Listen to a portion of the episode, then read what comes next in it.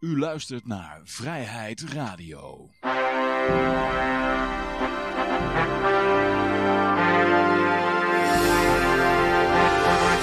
Ja, dames en heren, jongens en meisjes, dit is weer een nieuwe aflevering van uh, Vrijheid Radio. Leuk dat u luistert. We zitten hier gezellig in het café Libertaria met op dit moment Peter en mijn naam is Johan. En oh ja, Jan Mark is er ook uiteraard. En uh, ja, dus, uh, het gaat weer gezellig worden. U weet, schuiven nog meer mensen aan. Je weet maar nooit. En uh, ja, laten we maar meteen uh, beginnen met uh, wat huishoudelijke mededelingen. we gaan namelijk twee weken op vakantie. Dus um, ja, dus je moet het ook twee weken zonder ons doen. Ik hoop dat jullie dat gaat lukken.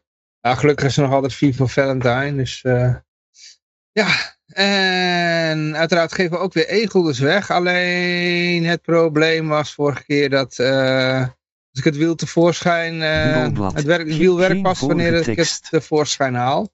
Dus ergens aan het einde van de uitzending haal ik het wiel tevoorschijn en dan kan je wat in de chat typen.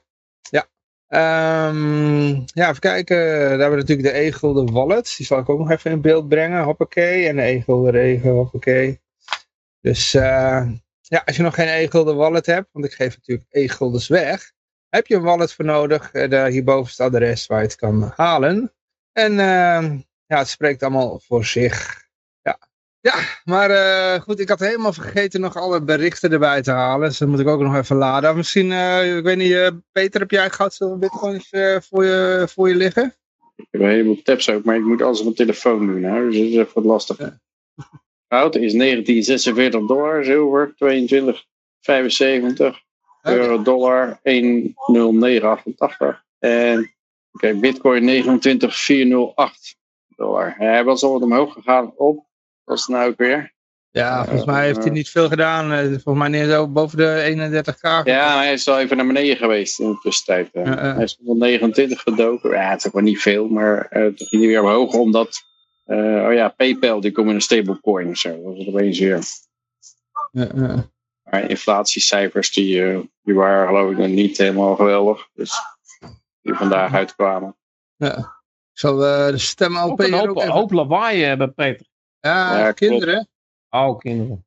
zit je, zit je in de, bal, zit je in de ballenbak? Nee, ik, ik ben in mijn slaapkamer had ik me teruggetrokken om hier rustig te kunnen praten. Maar mijn uh, dochter die was uh, achterna gekomen en die zit uh, video's te kijken. Ja, wordt achtervolgd. Oh. Maar dit is de laatste uitzending voordat je op vakantie gaat, toch? Of niet, Johan? Ik ga op vakantie, ja. Dus, uh, men, is, men is er even vanaf weer. Maar uh, goed, de berichten. Nou. Nou, ik heb nog uh, de LP-agenda. Oh, de LP-agenda. Een ziek idee, ik heb alles open geklikt. Um, de LP-agenda, want er gaat weer gezopen worden uiteraard. ik zal even de browser erbij halen, dan kunnen jullie het allemaal zien. Uh, even kijken hoor, ze hebben, er is een borreltje in Gelderland. En dat is op, uh, even kijken, oh dat is vandaag, nou ja, jammer dan. Uh, er is ook nog een borrel in Flevoland, dat is op 18 augustus, dat is volgende week zaterdag. Dus daar kun je nog naartoe. LP-borrel in Noord-Brabant, dat is op 25 augustus. En zo te zien aan de foto te zien is Den Bosch. Dan hebben we natuurlijk nog een LP-borrel in Noord-Holland. Dat is op 31 augustus. En ja, dat is, uh, begint om 5 uur s middags. Zo te zien is het in Amsterdam. In, er is ook nog een meetup in Utrecht. En dat is op uh, 1 september, op een vrijdag. En dat begint om half uh, acht. Nou, ik zal ook deze ook nog even meenemen. Dit is op 2 september op een zaterdag. zijn LP-borrel Zuid-Holland, Kieskring Rotterdam uh, wel liefst. En uh, dan hebben we nog een bijzondere algemene ledenvergadering, oftewel een ALV'tje, van de LP, oftewel de Libertaire Partij. En die zal plaatsvinden op een 9 september. Wees erbij. Je moet natuurlijk wel lid zijn. Dus uh, ja, en je kan, eh, als je lid wil worden, je kan gewoon met crypto betalen. Zo vriendelijk zijn ze ook weer bij de LP. Ja. Dus, was jij inmiddels al lid geworden van de, van de LP? Je had geloof ik een lidmaatschap gewonnen, toch? Uh, ja, uh, Joost zou maar lid maken, maar dat, dat heeft hij niet gedaan omdat uh, de e-gulden achteruit ging. Ik weet niet nu zit. Zij wacht op een gunstige koers. Ja. Oké. Okay. Ja, ja, ja. Goed, nou ja, goed. Ehm Ja, dus, eh, hebben hier een paar eh, klimaatberichten. Moeten we stoppen met zomervak- zonvakanties in Zuid-Europa? Ja. Ja. Ja, Ja. maar dat is, eh, het is natuurlijk weer niet goed voor de... We gaan weer massaal naar warmere orden. In Huh? Zuid-Europa wordt het steeds heter. Terwijl die hoge temperaturen helemaal niet goed zijn voor ons fysieke welzijn. Nou, dat, toch is de meerderheid, 56% van de deelnemers, het niet eens met de stelling dat we moeten stoppen. Het zonvakantie in Zuid-Europa. Dus, kennelijk 44% wel gewoon. Die vindt gewoon, ja, eh, schaf maar af. Nou, weet je wat, mij weet je wat ik eh, een beetje raar vind aan deze propaganda? Is dat die twee kanten op werkt. Want eh, kennelijk, hè, want eh, het is allemaal heel erg met het klimaat, want het wordt steeds warmer. Maar als iedereen naar Zuid-Europa wil, in de zomer notabene, hè, staat Vinden, ze gewoon... nog, eh, vinden ze nog niet warm genoeg? nee, dan is het toch lang niet warm genoeg. Dus, dus de, met andere woorden, eh, er moet nog minimaal 10 à 15 graden bij. Willen mensen echt gewoon zich lekker voelen. En ehm, als ze een keer eh, lekker naar buiten kunnen, dan, ehm, ja, dan willen ze gewoon naar Spanje, Griekenland, Turkije. Zo, nou ja, ze willen gewoon, eh, gewoon zo ver mogelijk weg hier van Nederland. Dus, dus, dus ja, dan, dan Ja, het moet punt het is, dan... ik, eh, als, het daar, nou- als het daar 60 graden is, dan hoef je het niet meer te verbieden, want dan gaan mensen er ook niet naartoe. nee, maar dan, dan, maar is, dan niet. is hier eindelijk lekker. Dan kun je ook Ja, eindelijk kun je dan lekker hier in Nederland blijven. Zeeland. En in Zeeland, want dan, eh, dan is dat zeg maar eh, de Zeelse Riviera, heb je dan. nee, maar eh, ja, dat is... De- overal hier. ja, ja, goed. Het, het is wel grappig, want ik, heb, ik heb vrienden die zitten in, in Oostenrijk. En dan, ik krijg wel van die wintersportberichten binnen, omdat ik, ik, ja, ik heb al geskiet en zo. Dus en dan krijg je dat, dan word je nog steeds mee gespamd.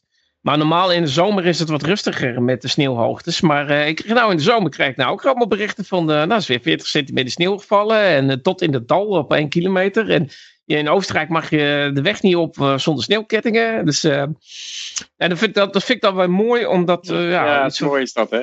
25 jaar geleden of zo, of 30 jaar, dat had je toch die inconvenient truth van El Gore. Ja, van, Uw Gore. kinderen zullen nooit meer sneeuw zien. weet je wel? En, eh, en nu is het fucking augustus, weet je wel? Zo, Milaan dreef ook de ijsschotsen door de straten heen, hè? Die mooie opnames. Maar ze blijven ermee doorgaan, hè? want ik, ik zie...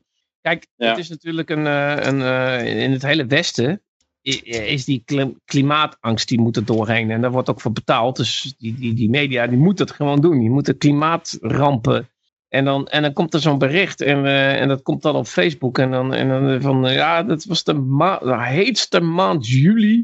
En de hele maand juni hebben je mensen hier met truien en jassen en, en zuidwesters en, en, en regenpakken. En, en mensen ze zijn allemaal strontzagrijnig. Want ze hebben vakantie en, en ze worden gewoon weggeregend. En, en eh, dus, dus, weet je wel. En dan komt er zo'n bericht van, ja, het is allemaal zo warm. En, weet je wel, dus, dus je ziet dan eh, enorme reacties daarop komen. De reacties zijn meestal niet van, eh, oh ja, het is wel erg, we moeten er wat aan gaan doen. Het slaat Nee. er niet echt aan. Nee, het, is, het is wel zo dat eh, die James O'Keefe, die had toen op een vanmorgen camera, had die CNN, ge- zijn producer, ge, getaped. En die zei van, ja, na COVID gaan we massaal op klimaatverandering hakken. Met die met berichten. En dat is eigenlijk precies zo gebeurd, hè. Het is gewoon... eh, Ja, ja. dit en is en dat is dus niet alleen CNN, dat is gewoon echt eh, al die media. Gewoon. Ja. Ja, Alsof ze gewoon inderdaad allemaal uit hetzelfde fonteintje drinken. Ja, kijk eens, de, de, de, de slimme propaganda die zegt dan van... eh, ja, maar in het Noordpoolgebied, daar eh, in het noorden van Finland is het 30 graden. Weet je wel, dat kan niemand controleren. En, en dan, eh, dan maken ze er dat maar van, van dat, het, weet je wel, dat het plaatselijk Ja, toch het wel was heel op de Noordpool is. was het warmer dan hier, hoorde, las ik ergens. Ja, zoiets. En dan, ehm, en dan proberen ze het op die manier proberen ze het wat te doen. Ik kan me wel voorstellen dat als je Rusland hebt, dan heb je een heel stuk landklimaat. En dat kan natuurlijk ook nog richting het noorden gaan. En dan heb je natuurlijk wel warme zomers. Ja, dat is ook het hele punt. Kijk, wij zitten hier in, in, een gematigd zeeklimaat. Nou, dat, dat, dat is waar de meeste mensen wonen. Hè? In Engeland en in Nederland. Dat zijn de meest dichtbevolkte gebieden. New York en zo. En, en ja, daar, daar wonen heel veel mensen. De mensen wonen niet in Rusland op de Toendra of, of op de steppen van Mongolië of, of weet je wel, of in de in binnenlanden van Australië of in de woestijn in de je, daar heb je extreem weer. In de woestijn dan vriest het s'nachts en overdag is het uh, warmer dan 50 graden en dat elke dag. En wij zitten hier te janken van, uh, nou de maand juni was het wel 22 graden gemiddeld. En dan hebben we de koudste maand, uh, of de koudste dag in augustus. En dan, wat is het dan? Ja, 17 graden. Nou, dat is een verschil van 5 graden. Dat is het, hetzelfde alsof je in de voor- of in de achtertuin zit. Weet je? Dat is het, dat is het verschil eigenlijk. En, en, en, en daar moeten we dan over in paniek raken. Nou, dat is heel moeilijk. Wat er gebeurt, we hebben hier in Nederland helemaal niks, hè? Geen tyfonen. We hebben geen orkanen, we hebben tsunamis. We hebben, we hebben gewoon, gewoon, gewoon weer... een zondvloed, hè?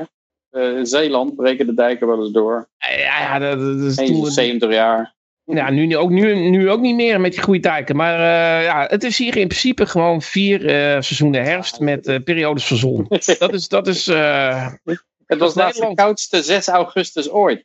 En ja. ik, ik moet wel zeggen dat ik denk, daar bericht dus niemand over. Maar ja, NOS niet, maar, maar nu.nl toch wel, ja. Maar dan gooien ze het altijd weer op, dat extreem weer. Ja, dan, is het extreem weer. Dan is het opeens extreem weer. Net als we vorige zomer was heel droog. Ja. En dan is het, ja, door die klimaatverandering enorm droog weer. En als het heel veel regent, ja, dan, dan komt dat ook weer door klimaatverandering. Ja, en, is het, en als dan windstil is, nou, dan is het extreem windstil. extreem rustig. Extreem saai weer. Extreem saai weer hebben we in Nederland. Het wordt steeds extreem saaier. De goede scheet hoor, extreem saai weer. Ja, ja goed.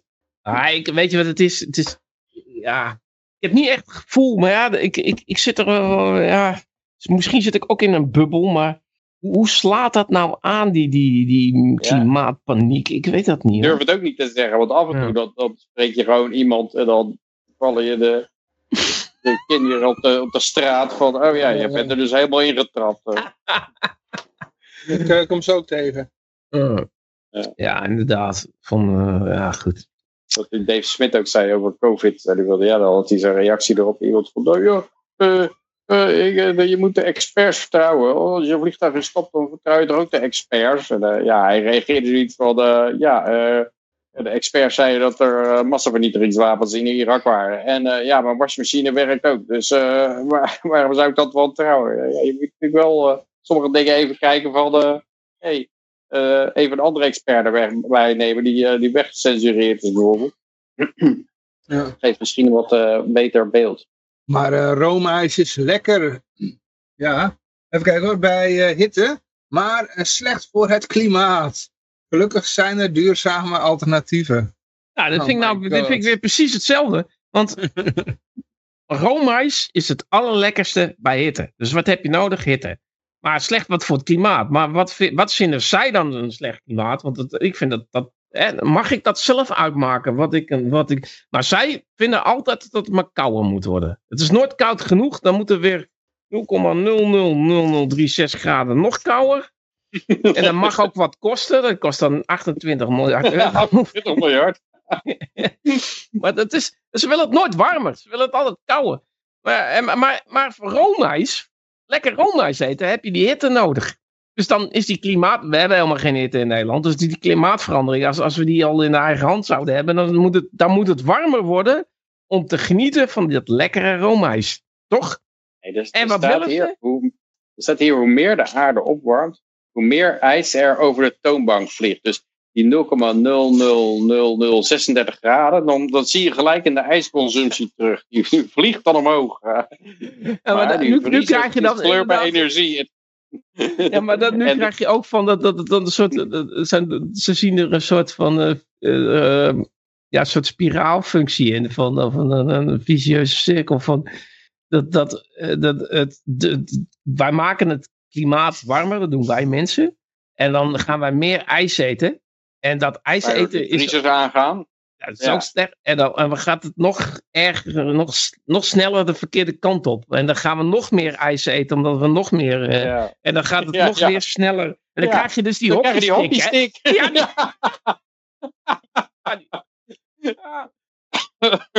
ja, er zullen mensen die zullen daar een verband in zien.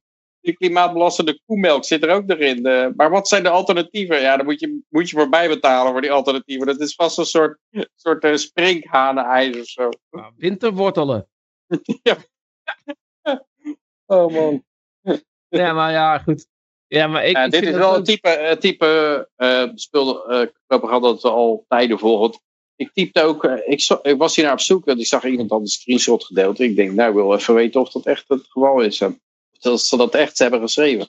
En dan typ je dat in en dan krijg je allerlei artikelen. Kaas is lekker, maar slecht voor het klimaat. En dan gewoon, ja, alles wat, wat je ook maar consumeert is slecht voor het klimaat. ja.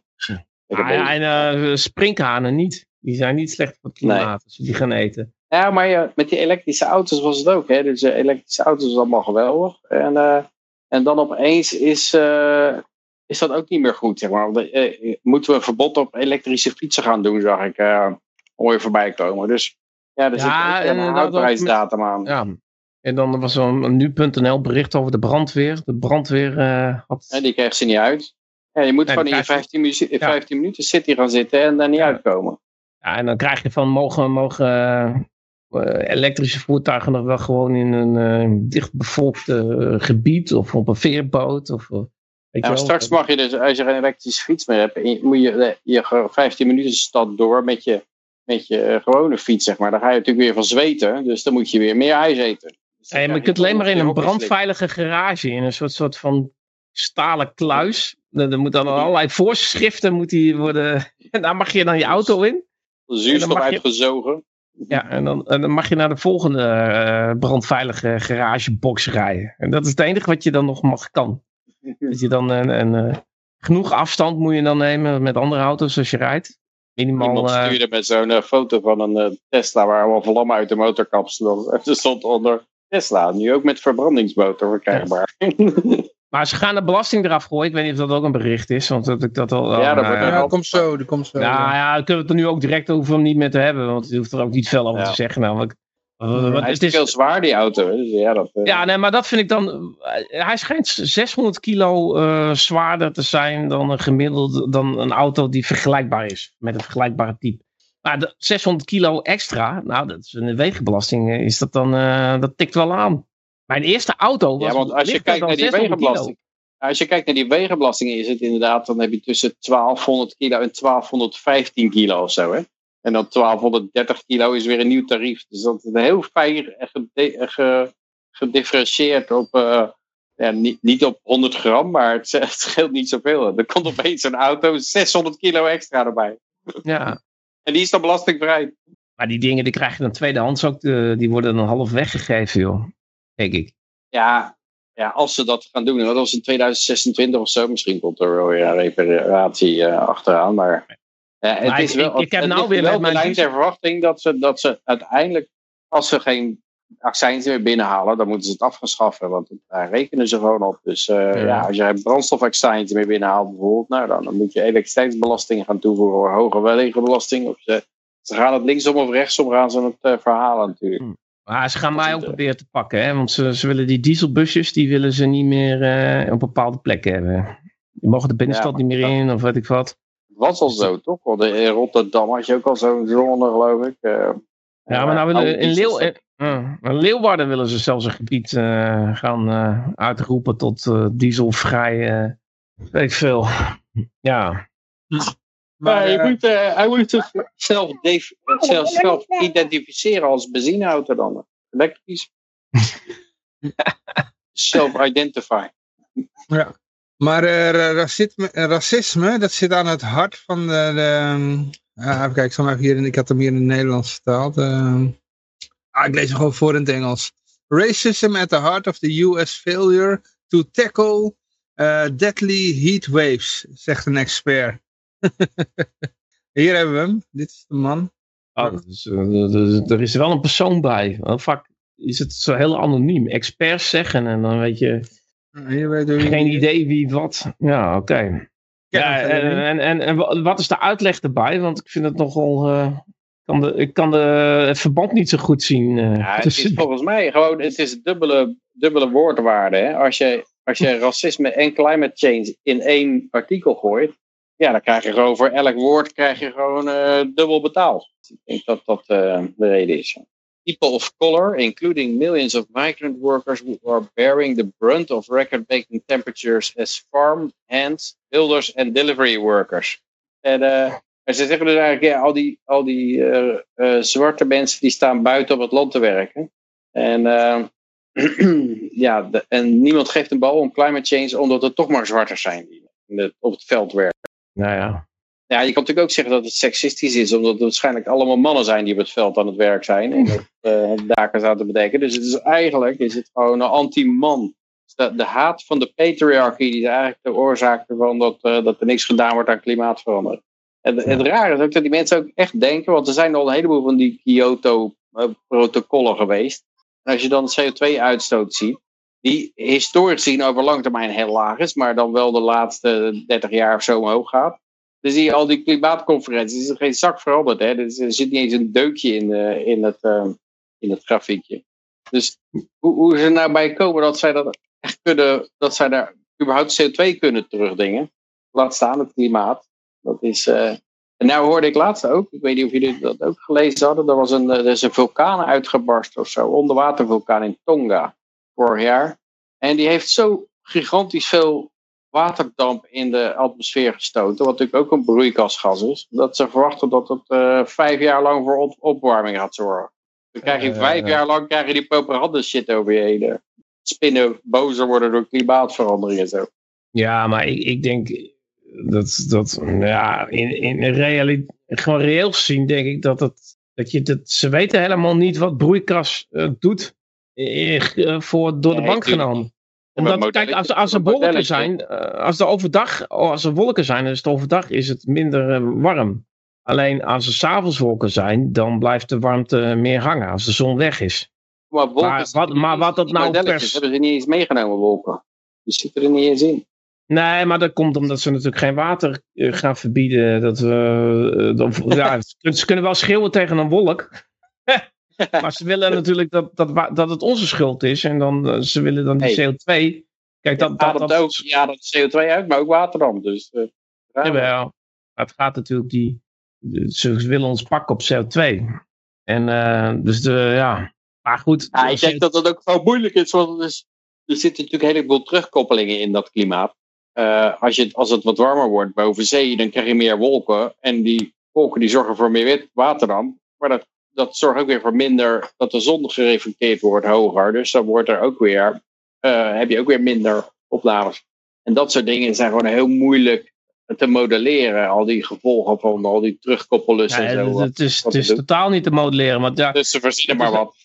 Ja, dat is ook zo. Maar kijk, het enige het is natuurlijk dat die wolken uh, s'nachts zorgen wolken ervoor dat inderdaad uh, dat het minder koud wordt overdag zorgen ze ervoor dat het minder heet wordt. Ja, en, en hoe ga je dat uitrekenen? Dat, dat schijnt zo ongelooflijk ingewikkeld te zijn dat niemand dat kan. Dus zijn ze helemaal niet, het is gewoon niet uit te rekenen. Nee, dat lukt het, helemaal het niet. is net zoiets als, als uitrekenen wat de, wat de koers van Apple volgend jaar doet of zo. Er, zijn ook mensen die denken daar een modelletje voor te hebben. Ja, of, of dat van bitcoin zo. Je hebt de halvering en uh, elke halvering, dan gaat het zo omhoog en omlaag. En, uh, de pre-halving jaar gebeurt dit altijd en dan gebeurt dat. En ja, het is, een, het is maar een modelletje. En het zit zo complex in elkaar, omdat mensen continu hun gedrag veranderen en aanpassen. En dan komt er weer een stukje wetgeving hier en dan gaat iedereen er weer anders omheen en anders mee om. En uh, ja, net zoals als die wetgeving dat, dat wees verdedigen elektrische auto's te nemen. Hoe is het? Dus dan, Hallo? hey, Karel. Uh, dus het, het, is gewoon heel moeilijk om die, uh, die modelletjes te, uh, realistisch accuraat te maken. Nee, Je zag dat met, daarom, met het pandemiemodel ook, met die virussen. Die, ja. die gast in Londen School of wat was het? Imperial College, Neil Ferguson, die had ook een modelletje gemaakt. Dat er weet ik niet hoeveel mensen zouden doodgaan van het virus. En daar ja, klopt ook geen zak van. Johan is weer terug. Johan was weg. Ja, ik was eruit gegooid. Johan, uit je eigen uitzending. Hallo. Ja, ik was eruit uit mijn eigen uitzending gegooid. Maar ja, goed. Uh, dat zal een, uh, de Skype komen of Microsoft. Maar uh, hey, leuk dat je erbij bent. Ja. ja, zijn er al interessante onderwerpen geweest? We hebben het over klimaat gehad. Oh, geweldig. We waren bij een expert die... eh, wat, wat, wat, wat- wat zag je ook alweer? Eh, racisme lag aan het hart van, de, eh, van het falen van de overheid om de dodelijke eh hitte... Klimaatverandering te tackelen. Ja, ja, ja. Ja, ja. is dubbele woordwaarde, zeg ik al. Bullshit bingo, dat je er dat je twee gaat bieden. En eigenlijk moet je nog zeggen ook eh, racistische COVID. Zorgt voor eh, klimaatverandering. En dan, eh, dan gooi je COVID er ook bij. En dan kan je gewoon van alle lobby's kan je dan geld tanken. Ik zou ook bijvoorbeeld de Russische tanks zou ik ook nog doen. Dat die ook klimaatonvriendelijk zijn. En de patriarchy. Gooi de patriarchy erbij. Dat is eh, altijd goed. Ja, Het zeggen het zoveel mensen, begrijp ik. Transfobie. Eigenlijk moet je een keer zo'n artikel verzinnen. Gewoon kijken om er maximaal mee binnen te lopen. Met zijn alles erin gooien. Volgens mij was er ook zo'n bericht van... eh. Oh, voor Er was er ook zo'n bericht van, eh, wat- hadden wij dat vorige keer? Of, eh, ik had het echt dat, dat eh, klimaatverandering was slecht voor homo's. Of de LHBTQ had, had meer last van, het was, voor, voor hun was het erger dan, dan voor ons, of zo. Zoiets. Omdat ze in die zomer op zo'n prijsboot staan natuurlijk. Terwijl de zomer die was... Dan sta je daar, De zomer eh, was het natuurlijk... ja, sta je in je zomer was natuurlijk wel heel... Ja, Deze keer was de prijstoestand wel heel... eh, Ja. Wel heel eh, slecht weer. Ja, dan sta je te vernikkelen, inderdaad. Eh, met je- met je, reetveter en je fetish sta je daar gewoon halfnaakt gewoon te vernikkelen. Dus klimaatverandering is voor hun erg. Ja, nee, ik, ik wist niet, ik, ben- vergeten wat de reden was, maar... eh, maar goed, dan, dat is ook een soort koppeling inderdaad. Dan pak je ook twee, eh, twee dingen in één keer. valt me overigens op dat als je, als je mensen dit soort dingen vertelt, of buitenlanders of zo, mensen uit de Oekraïne bijvoorbeeld. en, en eigenlijk, ze, ze weten natuurlijk allemaal dat het bullshit is, maar toch willen ze weten wat daar dan de, wat dan de gedachtegang achter is. En, en ik, ik her- herken dat wel, dat je, dat je toch eh, een soort mechanisme wil worden. Ja, maar wat zeggen zij dan? Wat, wat geven zij als reden op daarvoor? Maar Dat, eh, ja. Dat heb ik helemaal niet. Hebben jullie niet gewoon dat je gewoon geen tijd aan wil besteden? Ik, ik, ik, het interesseert me niks als iemand zo'n flauwekul verzint. Dan, heb ik, eh, dan weet ik meteen dat ik er geen tijd aan hoef te besteden. Dan denk ik, oh klaar, het scheelt weer. Dus voor, ik, over het algemeen ik ik- er vrij goed in om eh, berichten die ik eh, onder ogen krijg al, eh, dat ze al voorgesorteerd zijn. Maar mocht er zoiets tussen zitten, dan, oh, nou mooi. Geen tijd Ja, nee, maar als je bijvoorbeeld leest wat we net hebben, dat de Roma-ijs slecht is voor de klimaatverandering. Ja. ja, ik denk dat het echt tijd wordt om dan een andere media-outlet. Maar als, jij, als je het beroep krijgt, dan waarom blijf je dan klant? Ik zou echt gewoon. Nou, als, je, als dit het niveau is wat ik te lezen krijg, dan ga ik nooit meer iets van jou lezen. dat dat Ja, nu een logische conclusie. Met- Als ze Ja, dan waarom- zeggen bijvoorbeeld eh, klimaat of, eh, of eh, douchegordijnen zijn slecht voor het klimaat of zijn Ja. douchegordijnen zijn Ja, racistisch of zo. Dan, dan Nou, denk dat je ik met het is ijs een al soort bent intellectuele, intellectuele uitdaging van uh, jemig, hoe hebben ze dat aan elkaar geknoopt? Dat wil ik toch wel even weten. Nee. Kijk, één gek kan meer vragen dan tien wijzen kunnen beantwoorden. Dus als je tijd gaat steken in dit soort dingen, dat is onnodig. Ja, ik, ik ga je Ik, vrijwillig raad geven om het niet te doen. maar ik vind dat je het niet doen. Het is dom om daar tijd aan te besteden. Want ja, dat houdt niet op. En morgen is er weer een baggerartikel. Dus je, ja, de enige juiste conclusie is om nooit meer naar die website te gaan. Zo, en dat, zo werkt het ook. Je ziet ook alleen de dat meest partijen gewoon... te- zeg maar, als, als in, alleen de meest originele fondsen, zeg maar, als uh, douchegordijn is racistisch of zo, dan denk ik, ja, Ja, precies. dat is ook knap, dat wil ik toch eigenlijk wel even weten hoe je dat, eh, hoe je Ik dat gedaan bijna als een computer gegenereerd. eh, zo van, Ja, eh. Neem, twee, woorden uit het woordenboek en maak er een woke artikel van. Nou, Ja, ik denk dat is een eh, opgave voor Chat- ChatGPT. ja. Koppel teennagels aan, teennagels aan racisme of zo. En dan, Ja, precies. Nou, en dan eh, zegt hij eerst van, nou, dat is niet de juiste manier om eh artikel te schrijven. En dan zeg je, ja, ik doe het alleen maar om te zien hoe dat er dan uit zou zien. Dus zou je me dan een voorbeeld kunnen laten zien? Dan weet ik hoe ik het niet moet doen. Nou, en dan Ja. gaat hij toch maken. Met ChatGPT is het echt geweldig. Spelen jullie wel eens mee of niet? Eh, Ik, ben echt, eh, ik vind het echt super geweldig. Ik had laatst, ik had, een stel- ik had een vraagstuk. Toen zei ik van nou, ehm, ik wil niet te veel details noemen, maar ik zei van ik heb een softwareoplossing in een, voor een bedrijf. Ik moet dit vraagstuk oplossen. Nou, toen kwam hij met de oplossing die je zeg maar vindt als je eerst een Google oplast. eh, die had ik ook gevonden. Ik zei van ja, dat werkt niet om die en die reden. Nou, toen op een gegeven moment kwam hij de, was zijn volgende suggestie was om dan zeg maar de belangrijkste tabel eh, in de relationele database een extra key in, een extra veld in de primary key te geven. Nou, is ook niet een goede oplossing, vond ik.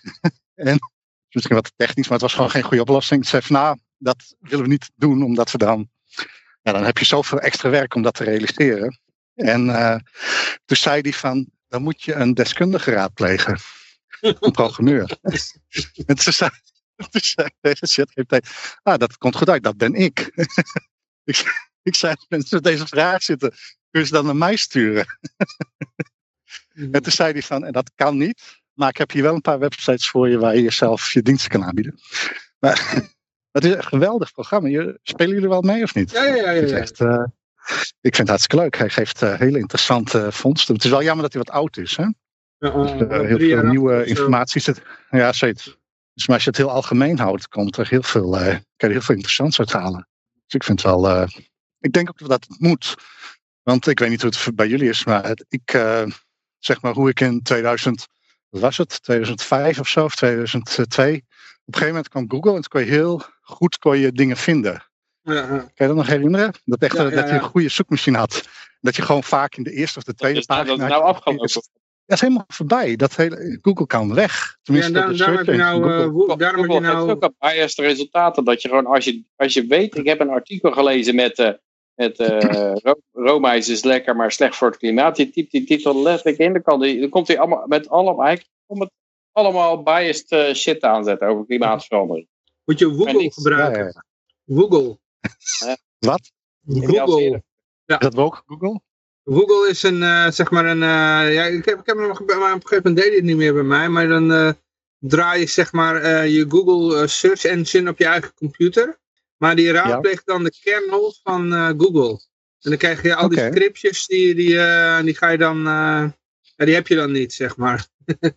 Dus Mhm. je, je krijgt gewoon de ouderwetse Google, zeg maar. Oh, toen, toen je nog relevante resultaten kreeg. Ja, ja, ja, ja, ja. Ja. Ik had het gevoel dat het een tweestrijd was. Ik had aan de ene kant het gevoel, want Google is op een gegeven moment een andere weg ingeslagen, ook met hun marketing. Dus ze zijn eigenlijk gewoon een slechter bedrijf geworden. En ze zijn ook meer op eh, overheid, ze zijn ook meer die kant op gegaan van eh, overheid, help me met mijn monopolie. En eh, wij- doen met jullie mee, doen jullie met ons mee, zeg maar. En aan de andere kant hebben ze, ehm, er was eh, nou, ik weet niet precies wat het is, maar ik denk dat het te maken heeft met dat zeg maar de manier waarop dingen op internet staan, dat Mhm. het ook is veranderd. Dat steeds meer ehm, partijen proberen zeg maar eilandjes te bouwen. Dus je had zeg maar dat je gewoon een website van een amateur historicus, ik noem even wat, dat gebeurt minder vaak als treffer. Dus je hebt minder vaak dat iemand die daadwerkelijk een eigen website met eigen bron en eigen onderzoek, dat, dat vind je minder. Als je nu zeg maar treffers hebt, dan is vaak de eerste pagina's geadverteerde bagger Ja. en Wikipedia en nog wat niet relevante treffers, zeg maar. Ja, ja, ja. ja wat, wat, op een gegeven moment had je Google Ads, misschien weet je dat nog wel. Die hadden dan, zeg maar, eh, tussen die zoekresultaten zaten de eerste drie boven, ze stonden ook bij Ads, hè. Van, nou, Ja, dat waren dan zoekresultaten. Maar daar hebben ze nou Mhm. eigenlijk uitgebreid over de eerste 25 pagina's van een zoekopdracht. Nou ja, En dan krijg je allemaal van de mainstream media eh, dingen te zien waar je eigenlijk helemaal niet om gevraagd hebt. Dus ik, ik heb wel eens gehad, dan zocht ik gewoon naar iets in, eh, in Nederland, iets met, eh, ja weet ik veel. Ik, nou ja, ik was op zoek naar een, een website, zeg maar. Hè. Ik, ik had de titel, wist ik nog wel, dus nou ja, die vulde ik dan in. En dan kreeg ik allemaal shit over Trump en waar toen verkiezingen in Amerika, over waarom Trump slecht was. Terwijl dat helemaal niet in mijn zoekopdracht zat. Weet je wel? Nee. Maar ja, Klopt. eh, toen ben ik een Maar beetje Google- afgehaakt met Google. Ja, Google was in staat, dat was juist het goede in het begin, dat hij Ja. redelijk goed in staat was om zeg maar op een of andere manier door die eh, dwalingen heen toch een waardevolle treffer te genereren. Ja. En eh, nou ja, ik weet niet of ze dat bewust uit handen hebben gegeven of dat daar eh, een reden voor is die Ik niet het idee weet. dat het helemaal, er is, ze hebben volgens mij verkocht aan allerlei lobbygroepen. Dat die zeggen, nou, als Mhm. jullie jullie casus een beetje op willen waarderen, dan eh, als je met ons betaalt, zetten we dat wat hoger neer. En dat heeft Ja. uiteindelijk volgens mij de hele zoekmachine, eh, de hele resultaten om zeep geholpen. En, de- en het is eigenlijk wat al die media hebben gedaan. Ze zijn allemaal omgekocht, waardoor ieder, waar onze, al hun kijkers en luisteraars aan het kwijtraken zijn. Ja.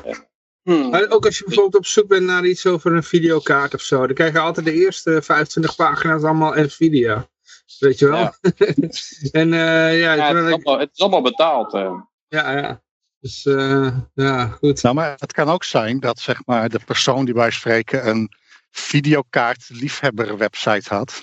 Dat Ja, hij dat ik- tegenwoordig niet meer doet. Of dat hij dat doet als onderdeel van een eilandje. Dus dan moet je zeg maar op Reddit gaan zoeken of op Facebook, weet ik veel, dat er zeg maar een soort afgeschermd eilandje is. Waarin dan zeg maar wat vroeger een publiek toegankelijk, een overal gewoon IP-adres eigenlijk was. Gewoon een IP-adres waar een pagina zat over het onderwerp. Volgens mij zijn heel, heel veel van dat soort dingen, of ze bestaan nog en je kan ze gewoon absoluut niet meer vinden. Omdat ze het gewoon niet meer wordt gemapt door je zoekmachines. Dat kan ook. Maar volgens mij zijn ze ook heel veel gestopt. Want als je bijvoorbeeld van die, eh, als je dat weet, maar als je bijvoorbeeld links hebt van 20 jaar geleden, van mensen die gewoon eigen website hadden, heel veel bestaan ook niet meer. En heel veel zijn wel onderdeel geworden van een, eh, van een soort, eh, een van de eilanden eigenlijk waar het in staat. Dus dan moet je eigenlijk een eiland kiezen. Dan moet je in dat eiland, bijvoorbeeld YouTube, voor je diepgrondige onderzoek. Als je wil weten van eh, hoe het precies zit met een virus of zo, dan ga je op YouTube je onderzoek doen. En dan kun je in dat eiland kun je alle relevante treffers vinden. Maar als je gewoon gaat googlen, kan het heel goed zijn dat je niet alle gewenste treffers krijgt. Ja, ja, ja. Eh, ja, goed. Maar eh, steeds meer Nederlanders die, eh, die werken. Eh, vooral meer vrouwen zijn aan de slag. Ja. Ik had die gepost inderdaad. Ja, wat eh, vooral belangrijk is, dat eh, ja, ze, ze presenteren het als iets po- positiefs. Hè? Van, weer- nog weer mensen een baan. Maar in feite zijn het gewoon meer mensen betalen belasting. Daarvoor deden ze ook al wat. Maar nu moeten ze, eh, zitten in een arbeidsverband en er wordt inkomstenbelasting over afgedragen. En ik weet dat bij Billon B, die had er een leuke kop over. Die zei, ja, Biden, eh, onder Bidenomics, dat was dan zogenaamd van die perswoordvoerder. Onder Biden, Bidenomics hebben, eh, hebben zwarte drie keer zoveel banen dan vroeger of zo. Dan voor Biden, Bidenomics. En dat is ook Ja. een beetje wat er gebeurd is. Hè? Want ze hebben meer parttime banen in plaats van de fulltime banen. Ze hebben eigenlijk meer banen moeten nemen. En dan is de reclame van, nou, Biden, kijk eens hoeveel banen Bidenomics creëert. Maar dat zijn allemaal, eh, ja, je hebt drie flutblaadjes in, in plaats van één goede. En, eh, en het wordt gewoon gepresenteerd als een succes. Eh, mensen hebben meer banen. Ja, nee, ja. Ja. Maar een, ge- een gezin kan ook met één kostwinnaar niet meer rondkomen. nee, nee. Eens. Maar dat, is- dat is eigenlijk negatief. Dat is, eh, ja, Maar mensen, de hardleerse mens eh, ziet dat niet als een signaal om dan eh, te beslissen dat het anders moet. Zeg maar. Nee. Ze, ze, kopen, ze kopen dat kooppraatje wel, want je hebt helemaal gelijk. Je zou, ik ben van mening dat je gewoon op één minimuminkomen, zoals we dat in Nederland dan hebben vastgesteld, daar moet je eh, met z'n vieren makkelijk van kunnen leven. Want dat is heel veel geld. Het is, eh, we zijn erin geslaagd om de mensen te forceren om veel meer te gaan werken. Ja, eigenlijk is dat een soort zwakte. Want ja. het is op zich goed om ehm, nuttig bezig te zijn voor je inkomen, denk ik.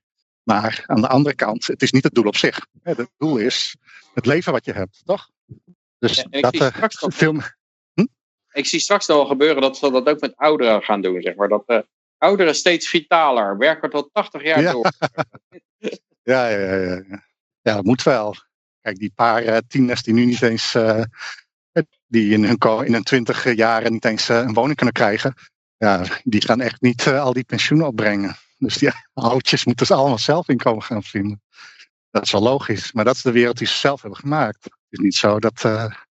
dat een beetje oneerlijk voor jonge mensen. Jonge mensen zijn allemaal mogelijk. hebben allemaal nog de vrijheid om libertariër te worden. En dat de afkeer van te nemen. Maar oude mensen hebben toch jaar op jaar gekozen om geen libertarische samenleving te hebben. Dus eigenlijk is het hun eigen schuld. Maar zij zijn niet degene die de. Ik, denk toch dat het op dit moment dat het voor jongeren. dat die het meeste de pijn voelen. Die, eh, als je nu een goede baan hebt, kun je eigenlijk niet eens een huis kopen. En eh, over het algemeen is eigen bezit is te prefereren aan huren. Het is zeker sowieso beter dat je de keuze hebt, überhaupt. En eh, dan is het ook nog het vooruitzicht eh, dat ze voor al die oudjes moeten gaan zorgen. Door dat overdrachtstelsel wat we hebben. Dus ze hebben een eh, mooie rooskleurige toekomst, hebben ze. Nou, en dat kleine Ja, beetje extra die, was. Hm? Het is door al die inflatie en die reddingsplannen en, eh en quantitative easing zijn vooral ouderen die hebben hun assets in waarde zien stijgen. En die zijn daardoor beter op eh, geworden. En, en jongeren die nog geen assets hebben, die zijn eigenlijk de sjaak inderdaad. Eh, Klopt, en ik weet vrij zeker dat er, dat zeg maar dan nog die overheveling, zeg maar door erfenis, dat dat nog meer uitgemolken gaat worden. Hè? Dat is eigenlijk, want eh, pensioen, pensioenen staan al onder druk. Ik denk dat, ik weet niet of er al officieel een wet is, maar die pensioenfondsen moeten straks gewoon allemaal verplicht overheidsschulden kopen. Zelfs als het een slecht idee wordt. Hè. Soms zagen ze nog eens een goed idee, omdat dan investeren in staatsschulden werd gezien als een uh, zekere, omdat ze... Veilig. Ja, dus het is niet helemaal waar, want Ja, die, lonen, maar- die lonen die gaan omhoog. Dat, me- dat, dat stellen mensen mij ook, die, die gewoon in fabrieken werken en zo. Die krijgen ook gewoon eh, bijna 3000 euro. Als je gewoon eh ploegendienst werkt. Die lonen Ja. die gaan nu echt wel omhoog. Alleen de pensioenen gaan niet omhoog. Dus door die inflatie hebben die ouderen wel minder geld. Want die hebben gewoon een bepaald bedrag wat ze krijgen. Je mensen die 3000 nu euro- werken, die werken voor meer geld. Omdat het geld niks meer jij, waard is. eh, Dan moet je meer geld geven om net te 3000 laten euro werken. verdient, dan heb je, ontvang je 2500? Ik heb geen idee hoe dat precies werkt. Nou, 3000 keer 12, dan heb je 36 in een jaar. Dan kun je keer 5. Zit je net onder 200, kun je geen huis kopen. Dus als dat je inkomen is, kun je niet een hypotheek van huis krijgen. Ik geloof dat zelfs in Leeuwarden appartementen 180 zijn. Dus je zou inkomen misschien in Leeuwarden een portiekflat, dat je met de trap moet, appartement kunnen kopen. Maar als je ergens anders woont, en ik denk dat eh, de salarissen in eh, Leeuwarden niet eh, 3000 zijn voor dat werk. Misschien weet je dat beter, ik weet het niet. Maar dan kun je niks. Je kunt geen huis kopen. Ehm, de huur, eh, en misschien dat je met dat, ik weet niet waar de grens ligt voor subsidie.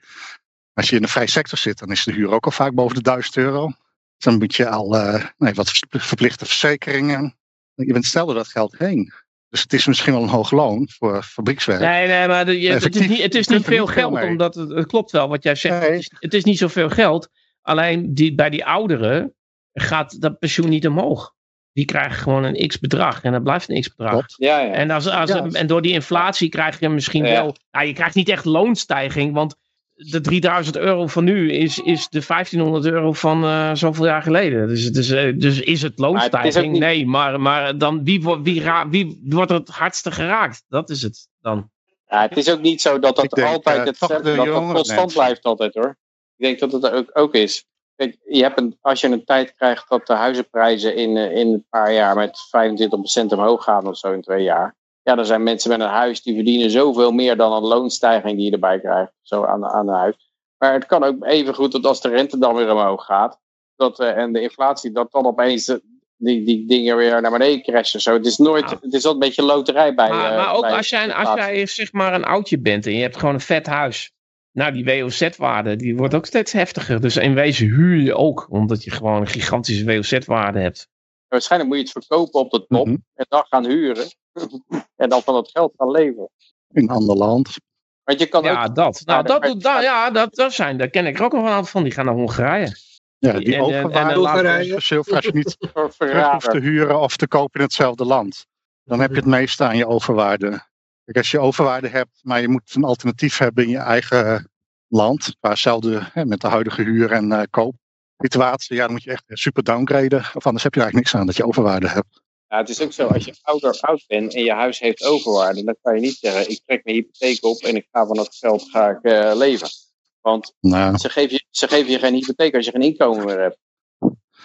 oké. Ja, maar goed, je, je, moet inderdaad wat geld hebben. En dat, maar dan kun je inderdaad voor een fractie kun je een vet huis kopen in Hongarije. En je pensioen, dat krijg je wel. Maar, eh, maar het leven is daar ook goedkoper. Maar ik ben van mening dat die rondkomen. 3000 euro eigenlijk voldoende zou moeten zijn om goed te leven met vier mensen. Gewoon een gezin met twee ouders, twee kinderen. Met één kostwinner die, die 3000 euro verdient. En dat zou gewoon niet alleen in Noordoost-Groningen, maar dat zou gewoon in Nederland.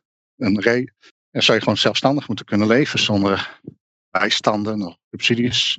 En dat, dat dat niet zo in is. de Dat vrije is markt gaat natuurlijk je, je koopkracht steeds verder omhoog, omdat alles steeds efficiënter wordt. eh.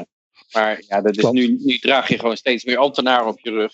En, eh, en die gaan ook dat- nog zitten voorkomen dat er energie gewonnen wordt. eh, en die, die gaan ook nog alles voorlopen verhinderen, iedereen. Waardoor, Ja, dat was mijn eh, kritiek vorige keer op libertarische mensen die, en andere mensen die mee- meedoen aan de marktwerking. Wat die eigenlijk doen is met hun, en- ze besteden hun energie niet om het systeem omver te werpen. Ze besteden hun energie om het wiel nog een keer verder te rollen, één, één omwenteling verder. En dat is wat er gebeurt. Dus de echte inflatie is bij spreken 30%. Maar dat wordt gekussend, want niemand heeft een 30% loonsverhoging gehad in de afgelopen twee jaar. Ja, als je, eigenlijk iedereen is op achteruit gegaan. Gewoon, tenzij je, je hebt misschien een betere baan gekregen. Maar dan heb je zeg maar relatief nog steeds niet de beloning gekregen die anders had gehad. Ik, uh, ik weet niet wat jullie denken. Ik denk dat de afgelopen twee jaar dat 30% dat, je, dat dat de echte inflatie is. En niemand heeft dat erbij gekregen. Misschien een paar uitzonderingen. Maar de meeste mensen hebben tussen de 10 of misschien zelfs minder 10% en uh, 15 erbij gekregen. Dus dat, dus iedereen is erbij ingeschoten. Maar er zijn dus mensen in de markt die hebben heel hard gewerkt. En die hebben dus voor gezorgd dat het toch nog, dat het een klein beetje wordt gecompenseerd. Dus die, die beloning, wat jij noemt, dat ben ik mee eens.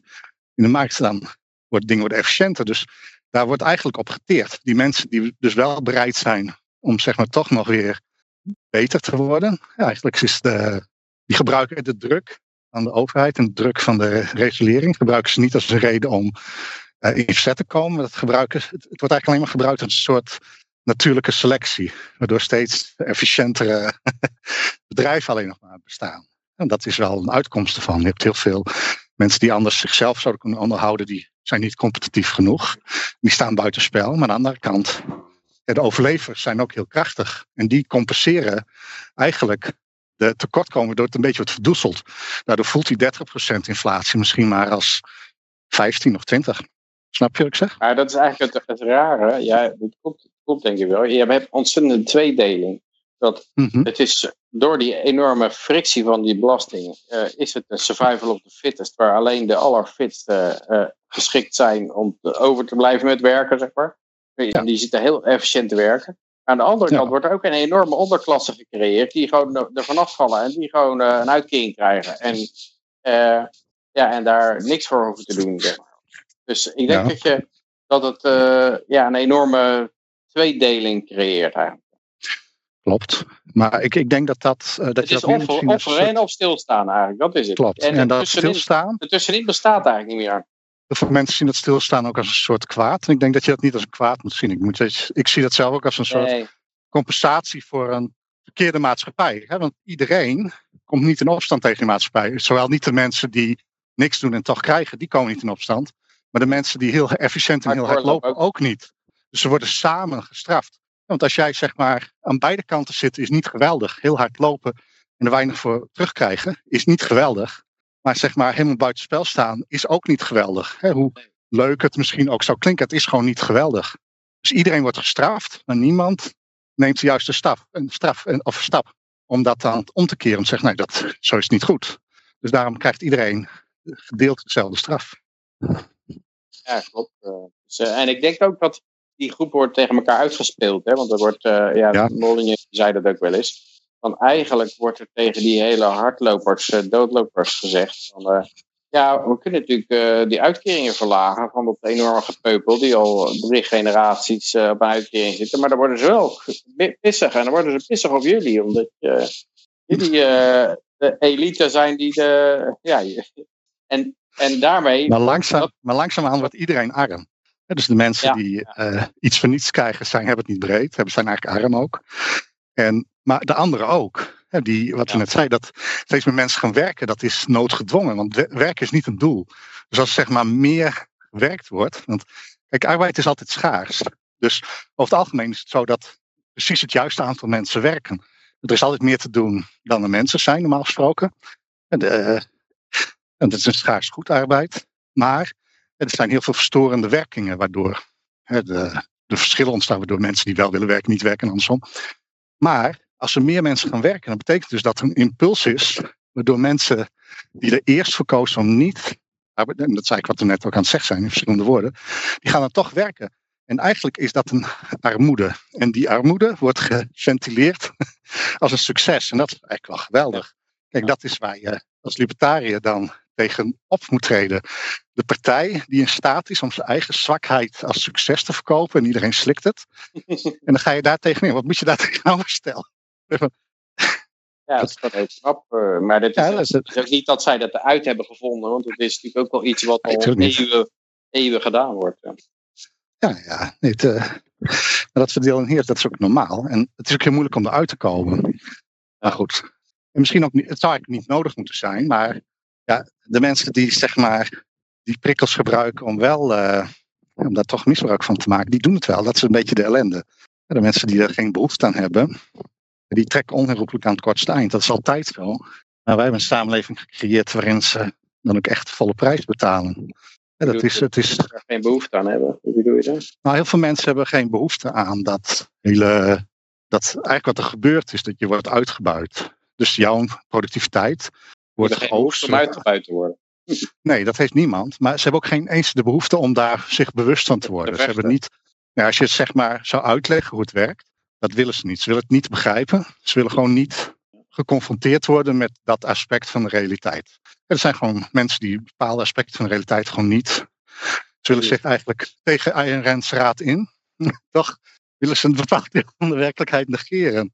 En dan gewoon de consequenties daarvan zien als een symptoom van wat anders. En nou, dat is wat er gebeurt. Maar als zij zeg maar in een betere, een vrijere samenleving zouden zitten, dan zouden ze er meer bewust van worden. Want dat is wel vaker aangetoond. Dus hoe dicht je erop zit. Want in Nederland zijn we er heel goed in geslaagd om die grote afstand te creëren. Want dat is gewoon je buurman, waarmee je ook zeg maar, op voetbalvereniging zit. Elke week zo rond, rondkomen met een emmer om het grootste deel van je geld in te scheppen. Ja. Dan zou het heel snel voorbij zijn. Mm Maar ja, het is, het is heel stelt gebeurd. Al die dingen zijn Mensen kunnen zich niet meer voorstellen dat er wegen zijn zonder overheid. Of dat er, Precies, dat en dat een zonder netwerk overheid. waarin jij echt maar wordt uitgevoerd. Het doel, in mijn ogen is het doel van een samenleving, zoals wij die nu kennen, het oogsten van de massa ten behoefte van de consumptie van een beperkte groep. Of van anderen in ieder geval. ja, en dat aspect, dat is niet fijn, want er zit ook een stukje in dat je er niks aan kunt doen. En ik begrijp heel goed dat je er eigenlijk ook niet bewust mee bezig wil zijn. Want het is heel vervelend om bewust bezig te zijn met iets wat je toch niet kunt veranderen. En ja, ik weet niet wat dan mis is met libertariërs. Maar libertariërs denken kennelijk dat ze het wel kunnen veranderen. Nou, ik denk dat heel veel libertariërs ook wel weten dat uh, the chances of uh, anyone coming from Mars are a million to one, but still they come. Dat is, uh, ja. is denk ik, je weet dat het, dat het ondoenlijk is om er tegen te vechten, maar je weet ook dat als je als er niks gebeurt en niemand is succesvol om daar tegen te vechten, dan ga je met z'n allen het schip in. En behoorlijk het schip in. Dus uh, ja, je probeert maar wat, uh, denk ik. Uh, ja, weten dat, dat, dat, het waarschijnlijk niet effectief is. Bepaalde landen waar we het vorige week ook over hadden, die zeg maar nog in het beginstadium van die escalatie zitten, daar heb je in mijn ogen ook meer kans om, ja. om dat verschil te zien en ook kenbaar te maken. Hè. Er zijn gewoon landen waarin je uh, ja, waar je gewoon moet betalen, maar waar niet eens de illusie wordt gewekt van tegenprestatie. En er zijn landen waarin het overduidelijk is dat de overheid alleen maar vol zit met voormalige communisten of met voormalige maffia, weet ik veel. Het is duidelijker. De, link tussen georganiseerde misdaad en de overheid is zeg maar, veel duidelijker in het zicht. Omdat het dezelfde mensen zijn, hetzelfde generatie. En uh, dat, daar heb je dan, wij, wij hebben dat niet. Wij, uh, wij komen uit generaties van mensen die, die ja, als een soort huisneger agressief zouden willen worden voor hun meester. dus die, ten behoeve van de voorlopers van PvdA en CDA zo, daarvoor zouden ze agressief tegenover hun buren of medemens willen worden. Omdat ze zo geloven in dat het goed is dat zij het roer in handen hebben. Ik, wij, wij hebben hoe ga je om met zo'n verre zo'n verre achterstand. Als je met die, als wedstrijd zo ja, begint. Ik denk ook niet dat het, dat het uh, ja, het is niet gewoon.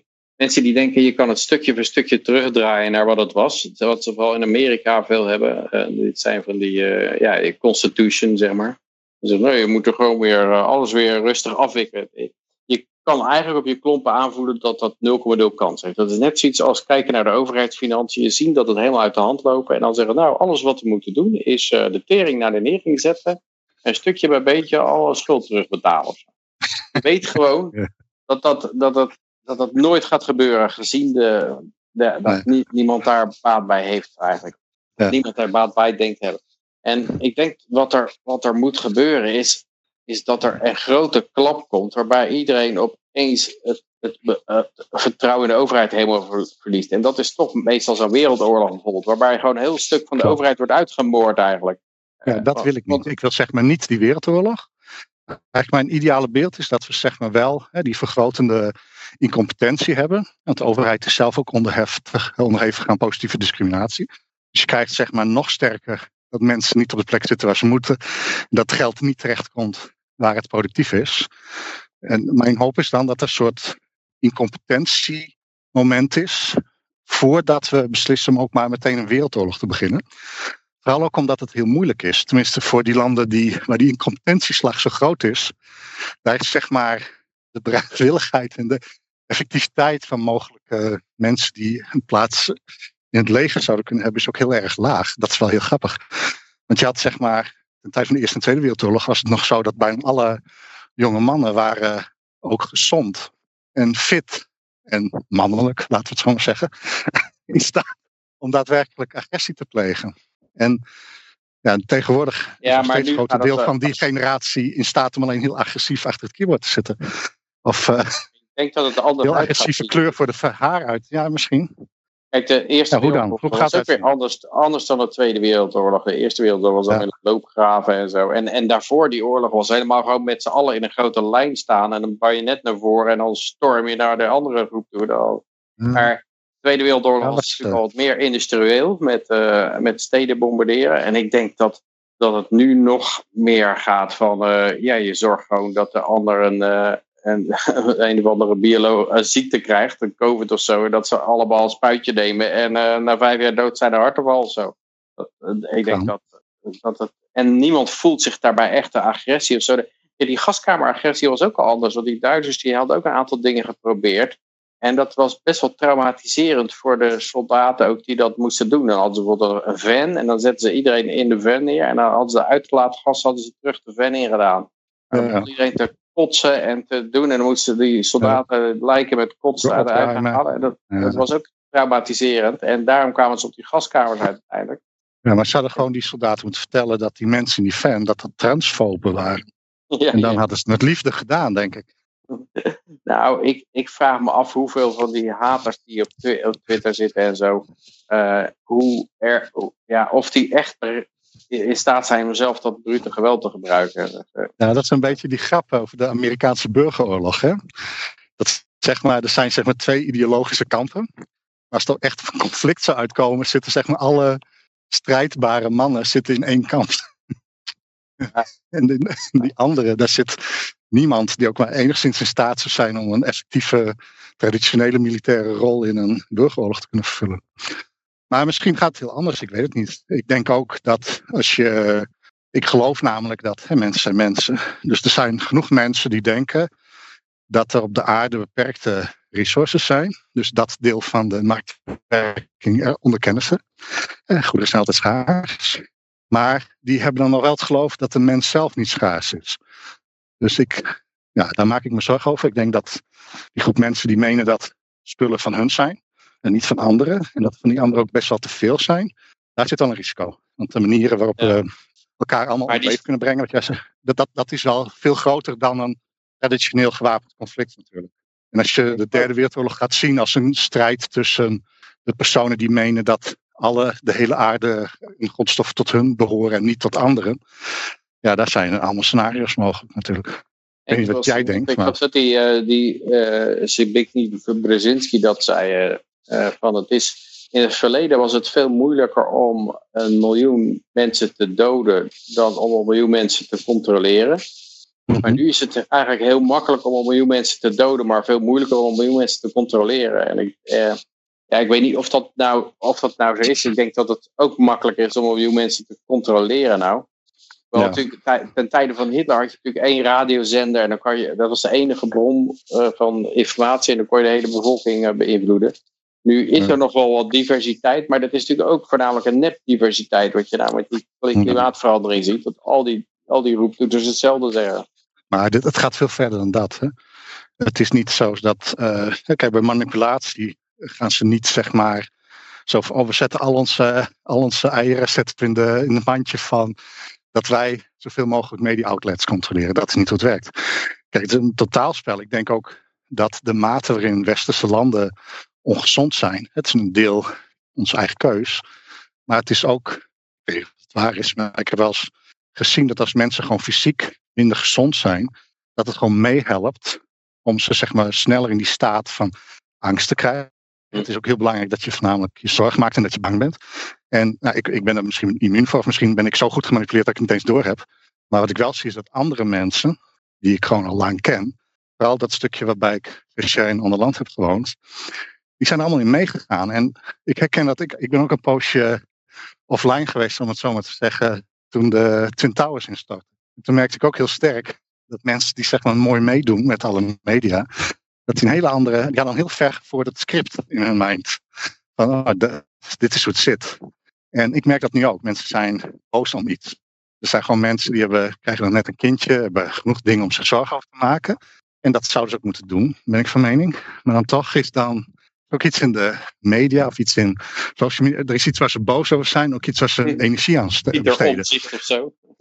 Ja, er zijn mensen die zijn in hun hoofd en dan zit ze in een soort stress. En dan, ik denk dat dat, dat het een totaalspel is. Dus je wil niet alleen, uh, want ik ben ook van mening dat gedachtecontrole niet is welke mening je moet hebben, maar waar je over denkt. Dus het onderwerp waar je met je hersenen mee bezig bent, dat is de gedachtecontrole. Dus je, welke mening je hebt, maakt niet uit. Daarom denk ik ook niet dat wij, even libertariërs worden ook niet als een gevaar gezien. Wij zijn gewoon een mening over die standpunten waarover wordt gepraat.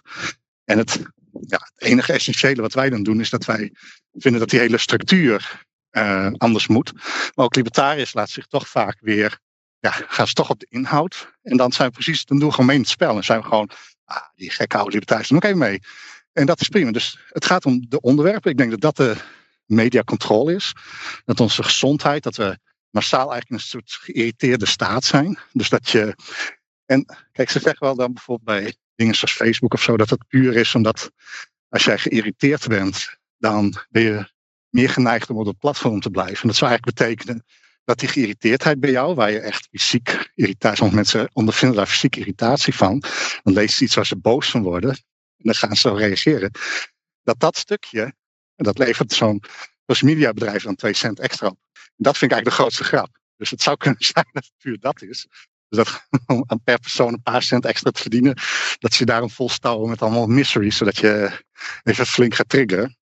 Maar ik denk ook dat als er een algeheel plan is om de mening te beïnvloeden, dat het een samenspel is van onze gezondheid. Dus dat er bewust niet uh, schimmig wordt gedaan over wat echt nodig hebt om gezond te leven en wat niet. Dat, dat je continu wordt blootgesteld niet aan, dat het niet uitmaakt wat het onderwerp is, maar gewoon of wat de mening is, maar dat je gewoon dit zijn onderwerpen waar je over denkt.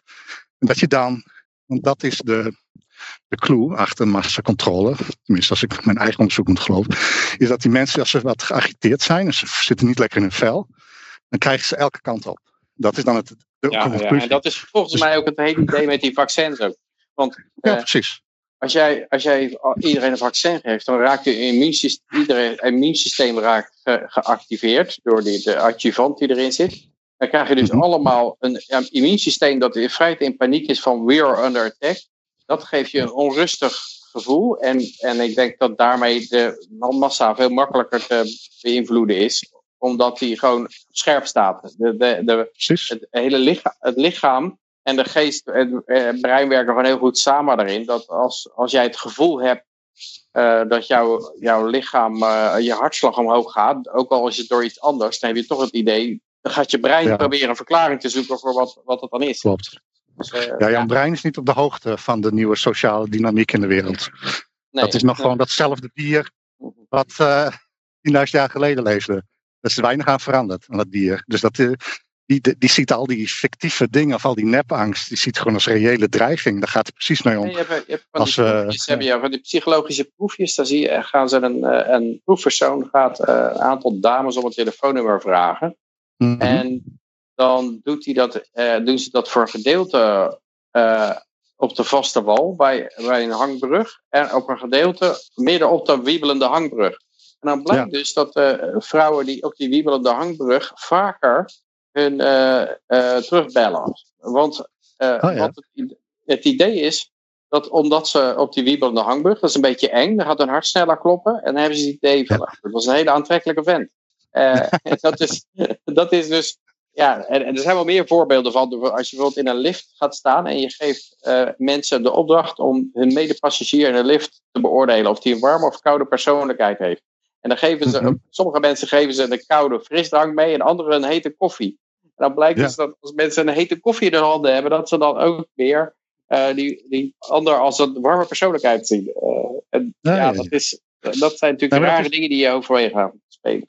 Dat, ik heb wel vaak mensen eenvoudig te beïnvloeden. Er, zijn weinig, er is weinig voor nodig om iemand zeg maar, te preppen voor een bepaalde eh, eh, richting. En ik zeg niet dat het zo is. Het kan heel goed zo zijn dat die social media puur is, die twee cent die ze extra jou willen verdienen. Dus zo'n hele misery waarbij je je ongelukkig voelt.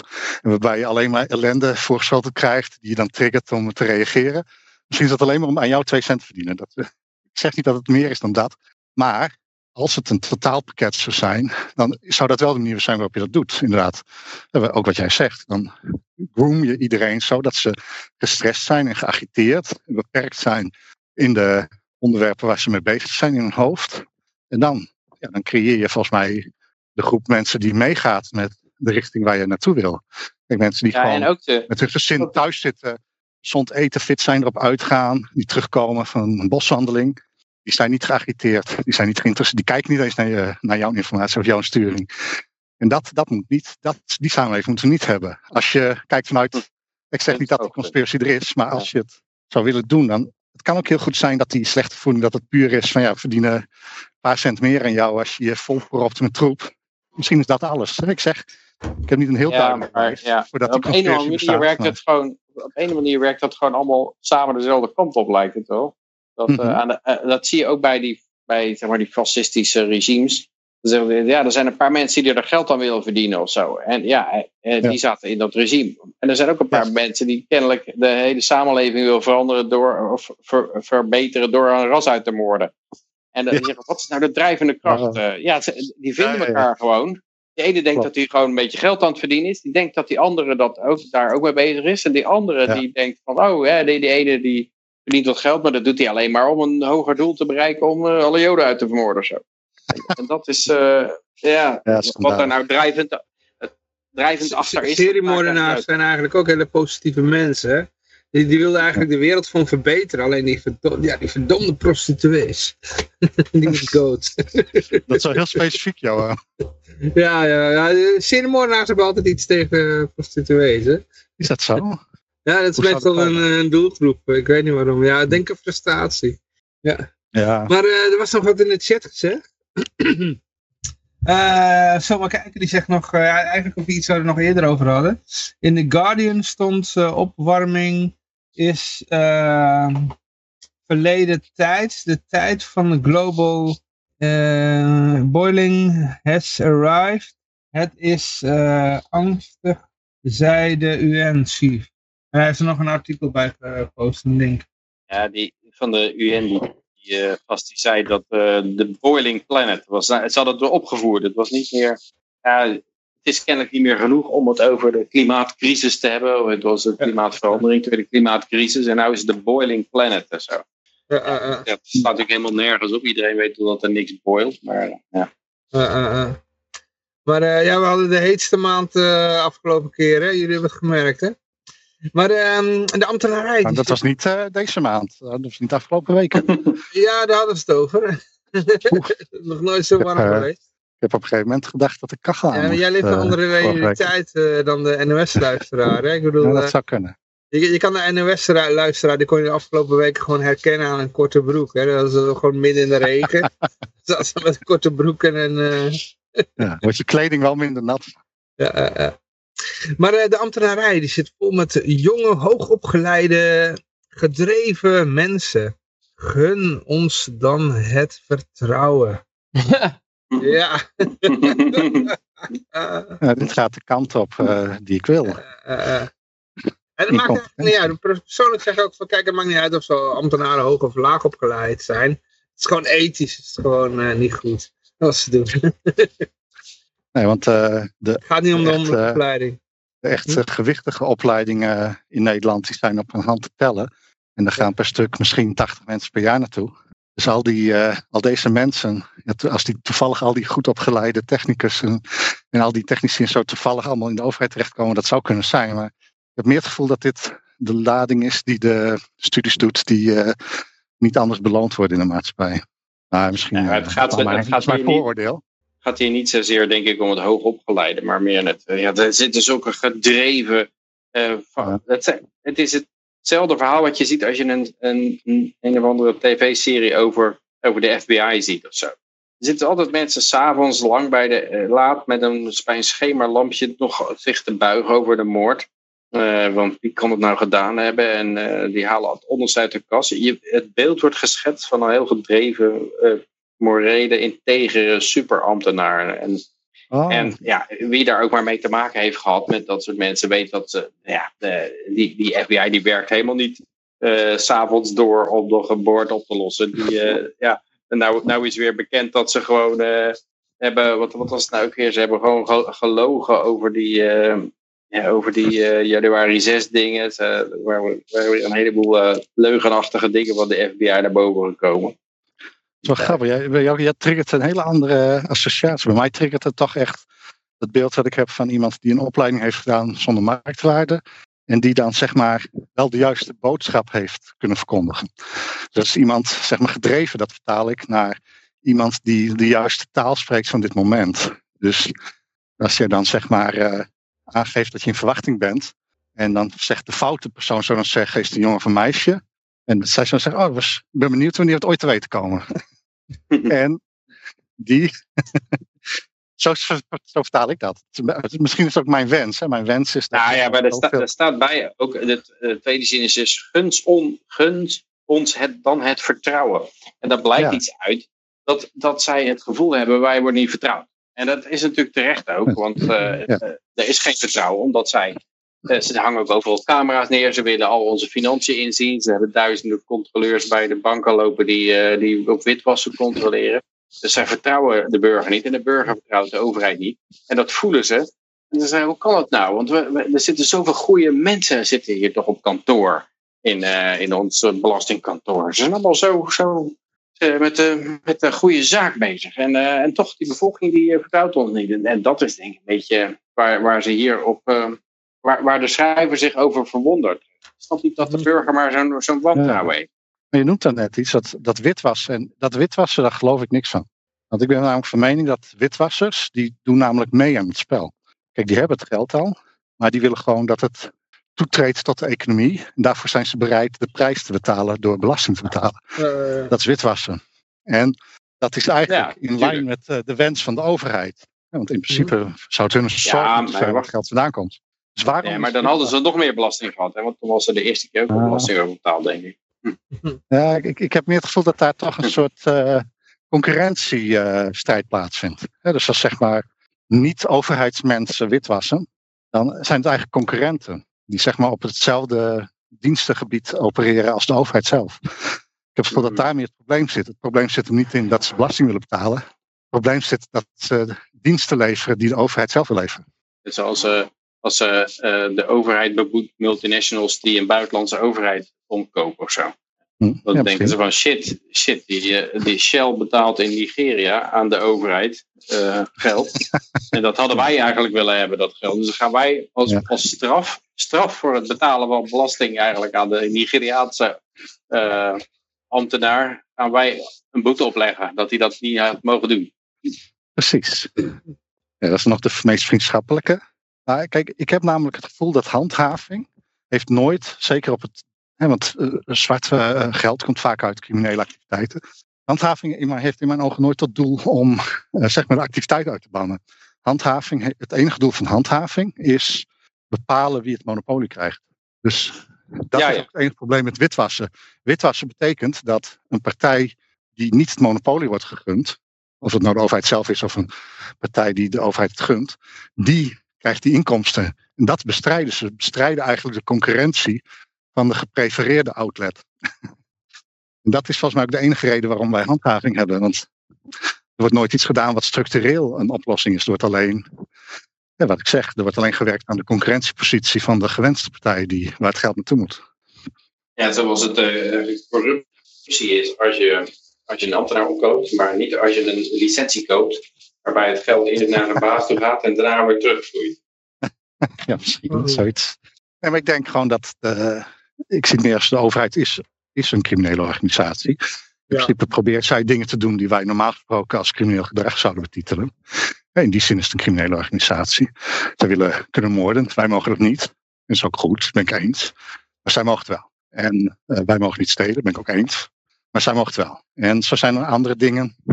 En ik denk dat dat, zeg maar, die bestrijding, als bijvoorbeeld uh, drugshandel wordt bestreden, dan gaat het niet om. Want je kan het heel makkelijk bestrijden door het gewoon niet crimineel te maken.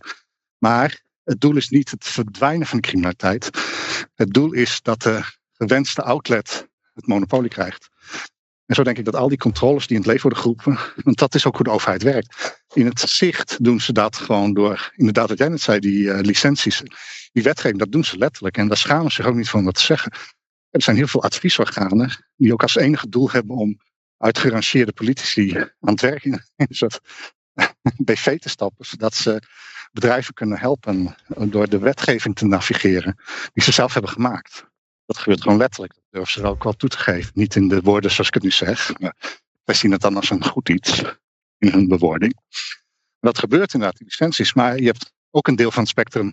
Dat zijn, uh, ja, dat zijn de, illegale activiteiten die ook zeg maar, voor politici illegaal zijn. Maar dan nog steeds is het de wens dat het door de hun. Dus zij bepalen eigenlijk welke drugshandelaar de drugs mag verkopen.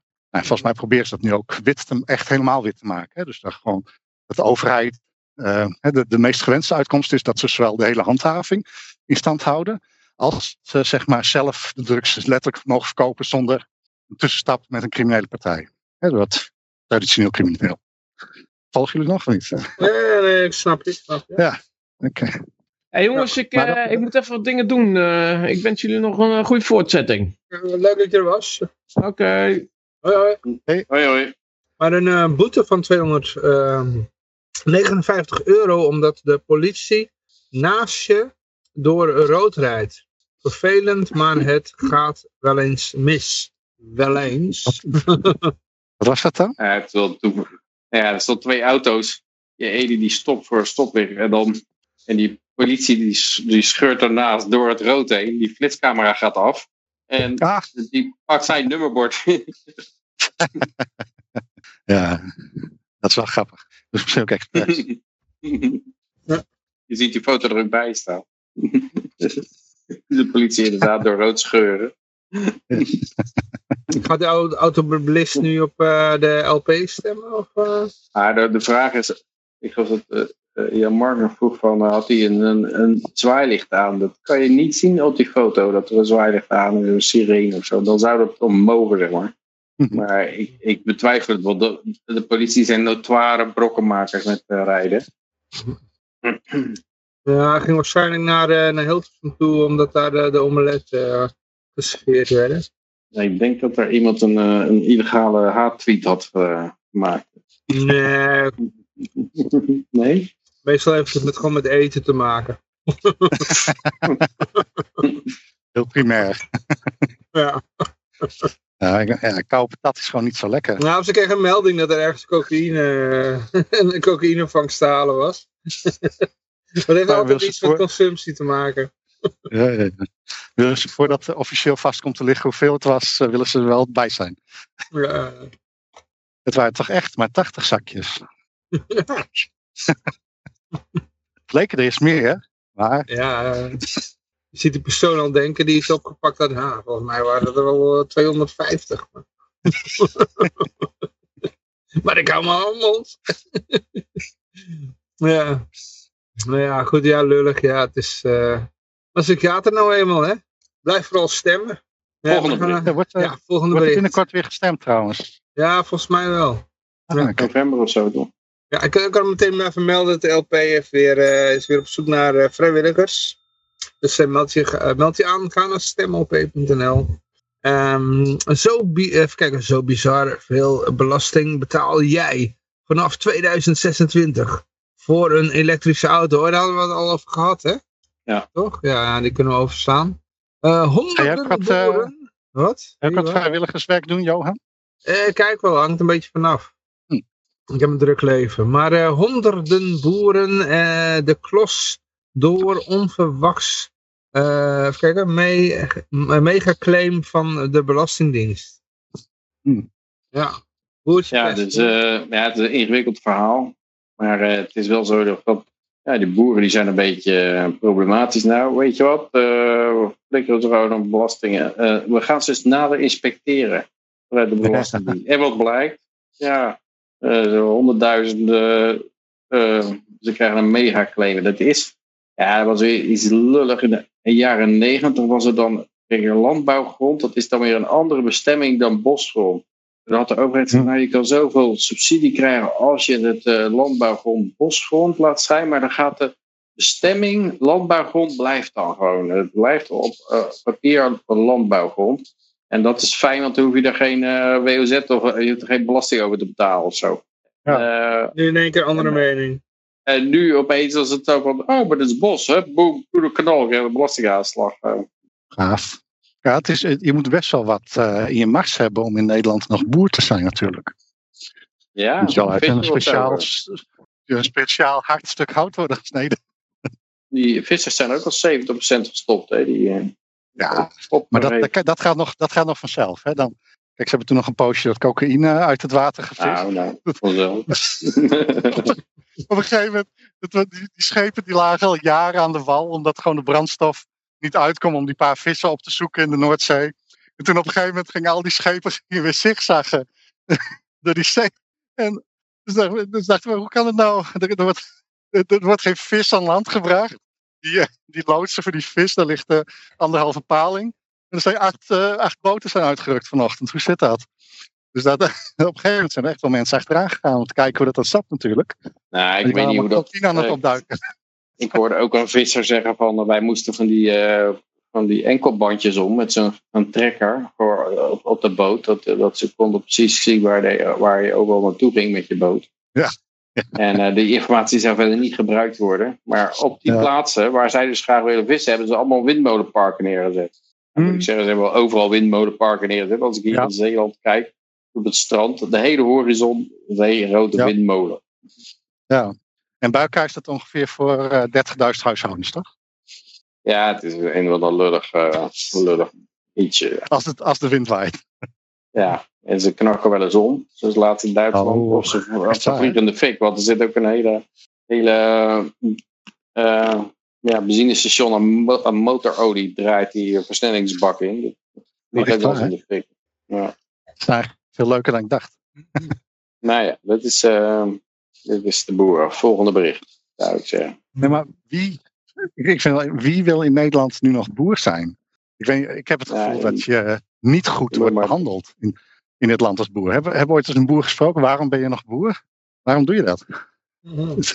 Nee, het is, eh, het is goed te begrijpen. Er zijn er geloof ik eens in de twaalf dagen pleegt iemand zelfmoord. Ik denk dat eh, een boer zelfmoord. Ik denk dat dat het ook komt omdat ja, die zijn dan al drie generaties lang boer. En dan zit er Mhm. meer aan dan alleen van ja, ik eh verkas mijn zaakje en ik ga wel in eh, Hongarije zitten of zo.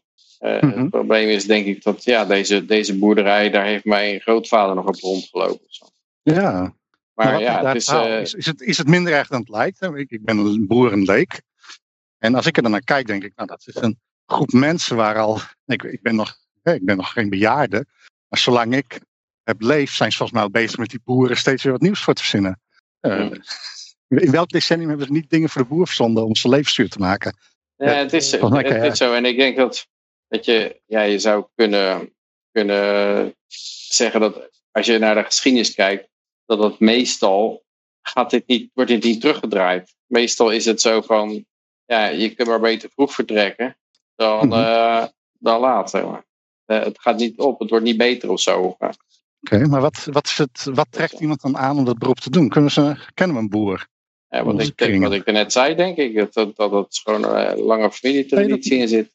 Dat wil ik best geloven. Dat vind ik heel aannemelijk. Maar En dan ga je door tot dat gaatje. Want het is eigenlijk alsof Ja. je, je je grootouders verraadt of zo als je dat opgeeft. Maar zijn er, zijn er boer-zelfmoordcijfers?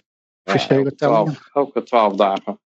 En is dat ruim boven het landelijk gemiddelde voor het aantal mensen? Ja, dat Klinkt hoog. denk Ja. ik wel, ja. Zelfmoordcijfers zijn ook vaak een beetje moeilijk te vinden. Mhm. Want Ja, eh ik dat proberen geheim te houden. Want dat schijnt, eh, als, aanstekelijk te zijn. Ja, nou, het geldt wel voor meer. eh, Ik heb het ook wel Het met klinkt eh, wel hoog, want volgens mij zijn boeren maar 1% van de bevolking, toch? Het is maar een klein stukje. Kijk, in de horeca, wat je dan wel veel ziet, is dat mensen niet die derde generatie zijn. Maar gewoon dat ze het geld opzij hebben gezet en dan gaan ze hun droom, ik doe het tussen haakjes. Van, ik wil mijn eigen kroeg hebben. En dan gaan ze het doen. Dan begint de ellende. Dan hebben ze bepaalde Ja. huurcontracten nodig, hebben bepaalde afnamecontracten. Ze krijgen voor elk eh, nootje muziek die ze spelen, krijgen ze een rekening. En dan begint de ellende. En dat weten ze vaak van tevoren niet. Dus die mensen, dat zijn zeg maar eerste generatie kroegeigenaren. Daarvan heb je in elke stad volgens mij elk jaar eh, meer dan genoeg. Moet je dan Ja, dat is ook met van die modewinkeltjes volgens mij. Die modewinkels heb je ook vaak. van, Oh, leuk, ik wil een modewinkeltje Ja, ja, beginnen. ja, precies. Ja, dan heb je zo'n winkel waarin als je alles wat erin legt verkoopt, heb je niet genoeg om die maand rond te komen. En dat soort dingen, dat, dat kan ik me voorstellen. Dat zijn gewoon amateurs en, eh, of beginnelingen die niet de juiste voorwerk hebben gedaan. En ja, zeg maar beginnende bedrijven waar niet genoeg voorwerk in zit, die failliet gaan. Dat is normaal. Dus dat verwacht ik dat dat gebeurt. Het is triest, maar dat verwacht ik. En in een libertarische samenleving zou zeg maar de drempel om succesvol overeind te blijven lager liggen. Dus meer mensen zouden hun droom kunnen verwezenlijken. Dat is allemaal goed. Maar die mensen die stug aan boer blijven. Kijk, als je nu boer. Dat zou helemaal geweldig. Die persoon zou ik echt willen spreken. Iemand die zeg maar niet boer is, maar nu begint met boer zijn. Dat, zou ik echt willen weten van wat bezielt. Ja, dat, ja, dat doet denk ik alleen als jouw, jouw vader ook boer is en je neemt het bedrijf Ja. over. En hij verwacht dat heel erg van je. En je denkt ook, eh, eh, ja, je hebt op een tractor gezeten, je bent beschoten door de politie als 17-jarige. Dan, dan, dan ga je het nog een keer Ja. proberen. Maar je hebt natuurlijk, Ja. ja. het wordt op een gegeven moment zo'n stand-off. Die, die van Bentham, die ooit de Elfstedentocht won, die was gewoon van, Ja. eh, hey, ik heb geld, doe. Ja. ik ben weg. Mhm. En dat is op zich is dat een goede houding. Maar ik kan ook heel goed begrijpen, dat is natuurlijk in, in alle gevallen in die geschiedenis gebeurd, dat mensen toch vastgenageld zitten. Die zeggen, ja, maar ik, ik ben een eh, Cubaan. eh, waar de kassen, hoe erg kan het worden? Het zal misschien een paar jaar de, de, de, eh, slecht gaan, maar daarna komt het wel weer goed. en dan eh, ben je 60 jaar verder en eh, dan zit je in een of andere communistische tering. Zo, eh. Andere mensen die nemen gewoon heel, heel, veel, heel snel de benen. Ja. Er zijn heel veel wassenaars. Die hadden dan hier in Friesland. Zaten ze in het boerenleven. En die zijn op een gegeven moment maar naar Amerika gegaan. En eh, mijn grootouders, die hadden nog echt. eh, ook dat ze bij elkaar op bezoek kwamen. Dus van die generatie was het nog. En eh, mijn vader kende dan die mensen nog wel. Want die kwam dan hier uit Friesland, uit die streek. En ja, voor mij is het een generatie te ver. Maar ik zag wel een van hun generatie, van mijn generatie aan hun kant. Die zat, naam zag ik laatst voorbij komen in een die deed een of ander iets bij het maken van series, licht of zo. stond opeens Huppels Pup Wassenaar. Dat vond ik wel komisch. Dat is toch familie dan. En ja, die mensen hebben dat toen besloten. Maar ik ken ze niet goed. Ik kan het ze niet vragen. Dus ik ken en weet ook niet wie ik ben. Maar ehm, ik ben wel benieuwd wat, wat mensen dan bezielt. Misschien kunnen we eens een keer een boer vinden. Of ik ga een keer naar Ja, een bijeenkomst kennen van er de eentje. BBB. eh, we kennen er eentje. Ja, dat is... eh, die kennen we allemaal, toch? Eh, die werkt nou bij LinkedIn.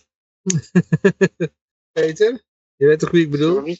Die kippenboer, hij is op een gegeven moment naar Oekraïne gegaan. Oh ja, ja. Werkt hij nou nog steeds bij LinkedIn? Ik denk het wel, ja. Eh, ja, ja, ja, ja, ja, klopt, ja. ja. Hey, volgens mij je volgende twee links, die, eh, die doen het niet. Ik heb ze even opnieuw Oh. opgezocht. Oké, oké. Eh, moet ik even kijken wat dat is. De flexwoningen van Hugo. ja, wat is daarmee? nou ja, Hugo die heeft vanwege die heeft flexwoningen ingekocht. Kijk hoor, hij kocht 2000 flexwoningen tegen de woningnood. Maar niemand wil ze hebben. Oh, oké. Dus de inkoop van flexwoningen door het Rijk bedoeld om gemeenten gemakkelijker te maken om tijdelijke verplaatsbare onderkomens neer te zetten. Eigenlijk een soort woonwagenkamp. is. Is uitgelopen op fiasco, dat meldt de Volkskrant. De ruim 2000 door minister Hugo de Jonge. Oh jee, ik hoor weer een ruis dat het die, Oh, sorry. echt eh, stofzuiger weer. eh. Je moet even een L achter die link zetten, dan eh, werkt hij wel. De L is eh, gevallen. Dat meldt de Volkskrant. Van ruim 2000 door minister Hugo de Jonge, CDA, wonen aangeschafte flexwoningen liggen er zo'n 1900 in de opslag. Vorig jaar besloot minister de Jonge tot een ongewone stap om via het Rijksvastgoedbedrijf flexwoningen aan te schaffen. En dan zal nu vast zo'n zo, soort mondkapjes, maar dan met woningen. Ja, Eh, De totale kosten waren 200 miljoen euro. Dat was nodig omdat er sprake is van grote woningnood. Ja, eh, dus die, eh, die liggen daar dus gewoon weg te rotten. Ja, het is bizar. Ja, je zou je daar heel boos over kunnen maken. Kijk, die woningen bestonden sowieso al. Dus er was sowieso een mogelijkheid, denk ik dan, voor marktpartijen om die aan te schaffen. En dat geld dat je ook woningen voor kunnen laten maken. Niet dat ik dat nou een geweldig idee vind. Maar dit, ik heb wel het gevoel dat dat de laatste jaren, dat overduidelijk, dit is zeg maar corruptie, maar dit is zeg maar corruptie van een primitievere graad. En ik heb het gevoel dat die corruptie van een primitievere graad, ja, dat dat meer in opmars is. En dat het ook zonder blikken of bloos wordt gedaan. En ik denk dat Ja. het ook nog een soort, er is een soort dilatie, zeg maar. De mensen die zeggen, oh, dit is gewoon corruptie en eigenlijk moet dit niet. Zeg maar, er zit nog een beetje ruimte tussen, zeg maar. Dus dat dat helemaal dat dat besef doordringt. Ja, want eh, ik weet niet, eh, hebben jullie ook Ja, zo'n maar nou, eh, daar bijvoorbeeld of met, zo? Er kwam laatst met Hunter Biden kwam het door dat er nou 20 miljoen is overgemaakt naar zijn rekening. Ook onder andere vanuit CCP gelinkte energiebedrijven en zo. En dan Mhm. vroegen ze eens aan democraten van, eh, ja, het is eh, toch wel heel erg corrupt. eh. en, en de meeste mensen, kiezers, maakten het eigenlijk niet uit. Dus kennelijk, Nee. ja, als, ik denk dat als het, als het duidelijk is dat het kiezers niet uitmaakt, dan, Ja. Dan verwacht ik dat ze er ook geen doekjes meer om gaan winnen. Dan, waarom zou je dat Mhm. dan nog doen? Het is alleen maar eh, Ja. vernederend als jij er eh, doekjes om moet gaan winnen. Ja, geweldig. En het is waarschijnlijk zo, denk ik, die 20.000 flexwoningen, dat, dat de overheid niet eens een vergunning geeft om die dingen neer te zetten. Dat zou, dat zou denk ik daar ook nog bij horen. Want dan zeggen ze, ja, het is een soort woonwagenkamp. Dat, dat willen we niet hebben, een woonwagenkamp. Nee, klopt. Nee, want eh, eigenlijk wat je ziet is dat zeg maar, die aanschaf door de overheid, dat is geen signaal. Hè, de, het, het feit dat ze beschikbaar waren tijdens woningnood geeft aan dat er geen vraag naar was. Dus de marktsituatie Ja. in Nederland was zo Hm. dat er geen marktpartij trek in had om die aanschaf te doen. Gegeven door dat- het vergunningssysteem. Ja. Misschien dat ik, ik vind het heel aannemelijk. Ik neem het zo aan dat dat het is. Ik weet het niet. Maar eh, Hm. en dit is en dat, ja, dat is dan de dan krijg je van die Het is simplistische een Portugees die woont de onder een boom in Rotterdam. Ja. Dus die, die, die zal best wel een flexwoning willen hebben. Nou, ik ook misschien wel. Steden. Komt je uit. Ja. Zet ik hem ergens eh, in een warm plekje neer? Die wil waarschijnlijk niks van Hugo de Jonge kopen. Nee, nee dat is alweer de ellende. Maar eh, de sancties, eh, Ja? ja, dus de sancties in Rusland passeert eh, Duitsland en eh, is de grootste economie van Europa. Ja, dus ja, Duitsland was altijd de economische motor van Europa. En nou gingen ze, oké, we gaan Rusland helemaal kapot sanctioneren. We gaan, we gaan ze helemaal de nek, we gaan ze echt eh, de, de, helemaal kapot maken met sancties en zo. Nou, we zijn een paar jaar verder. Nou is dus eh, eh, Duitsland gekrompen als economie en Rusland gegroeid. En nou is Rusland groter, de economie van Rusland is groter dan die van Duitsland. Dus hé, hey, ga trekken Hmm. jongens, die sancties. Werkt, werkt als een speer. En nou komt er nog bij, want het is nou ook zo natuurlijk, Duitsland heeft veel energie nodig met die eh, industrie. En eh, die pijplijn opgeblazen. Dus dan moeten ze hele dure LNG kopen. Dat werkt al niet goed. En, en ze hebben kerststralen dicht gedaan. Dus die energie heb je ook niet meer. En nou was het nog zo dat je, je kon atoomstroom kopen uit Frankrijk. In die Frankrijk, daar haalden ze hun, hun eh, uranium, voornamelijk uit Niger.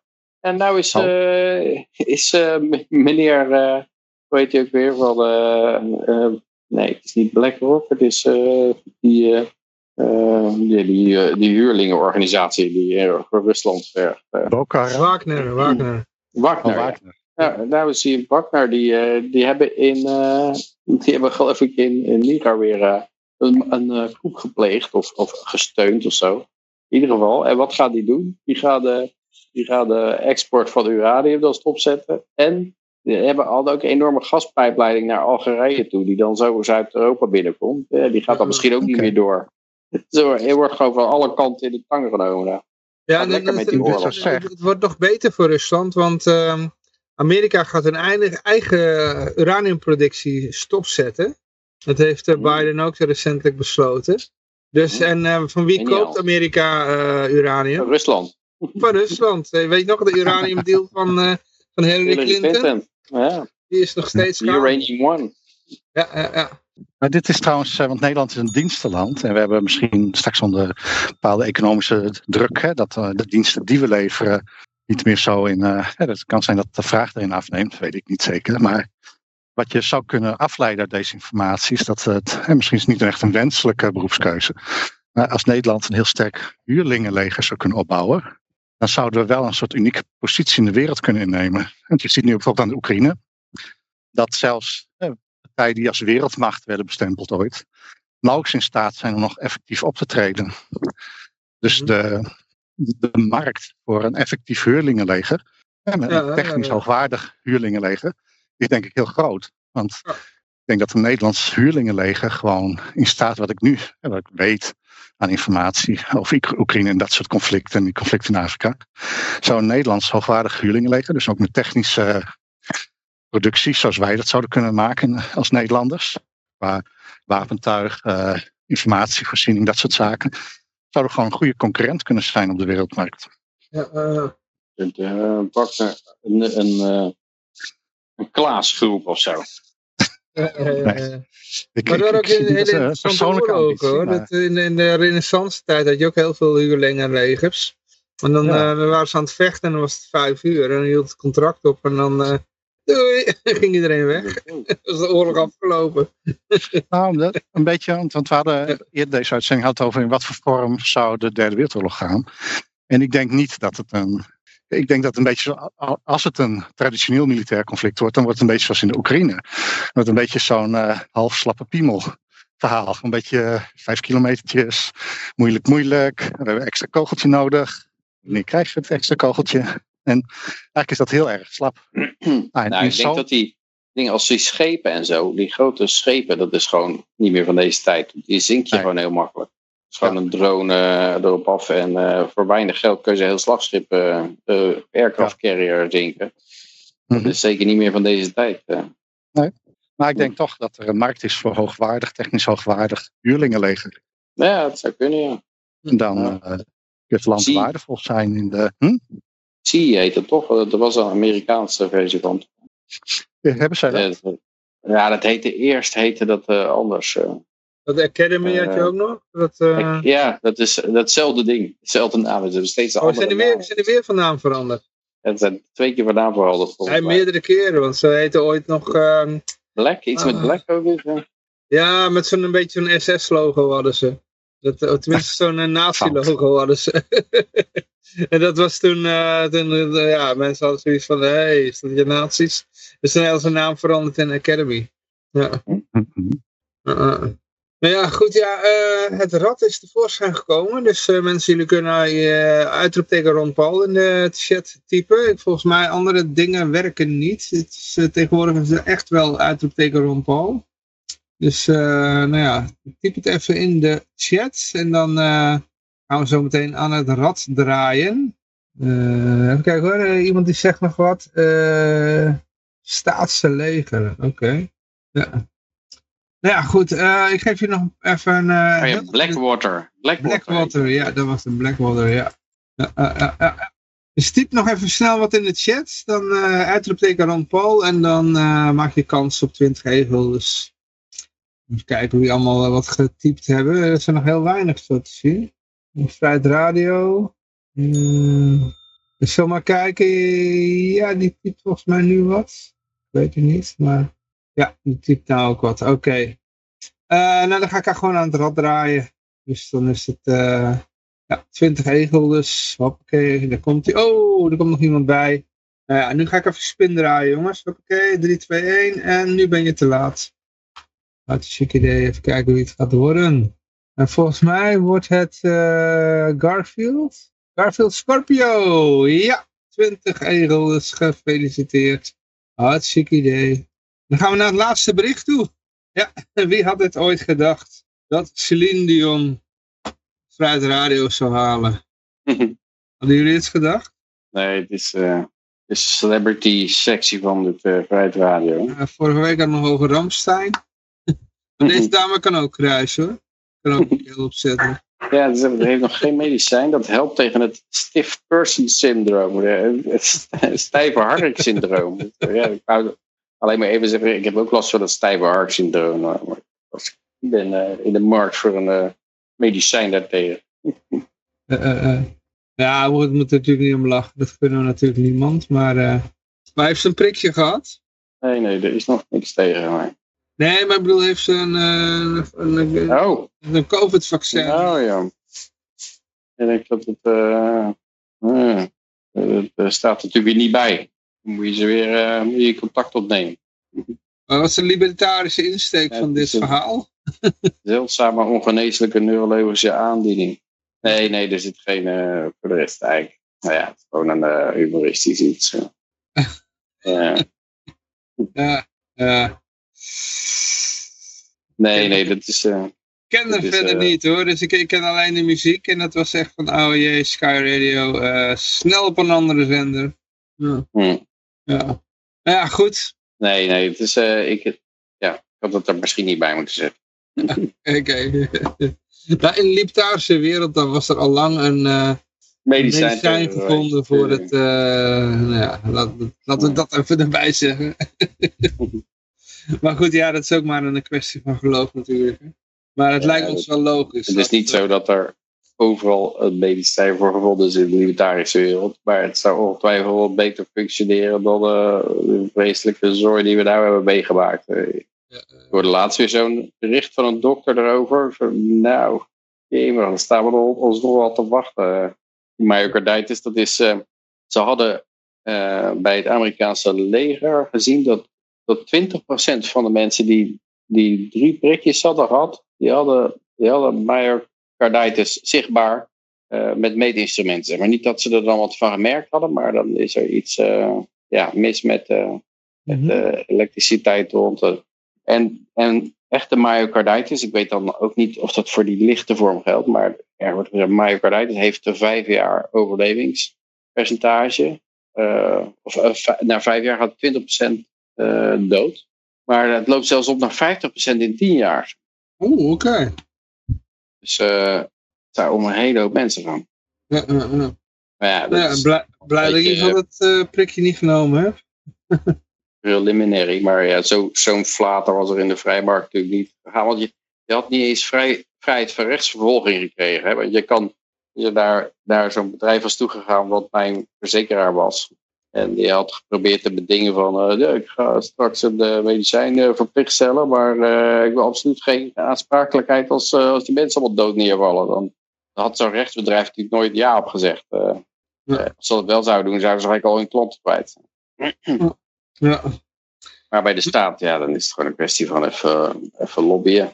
En dan, dan wordt het wel geregeld. ja.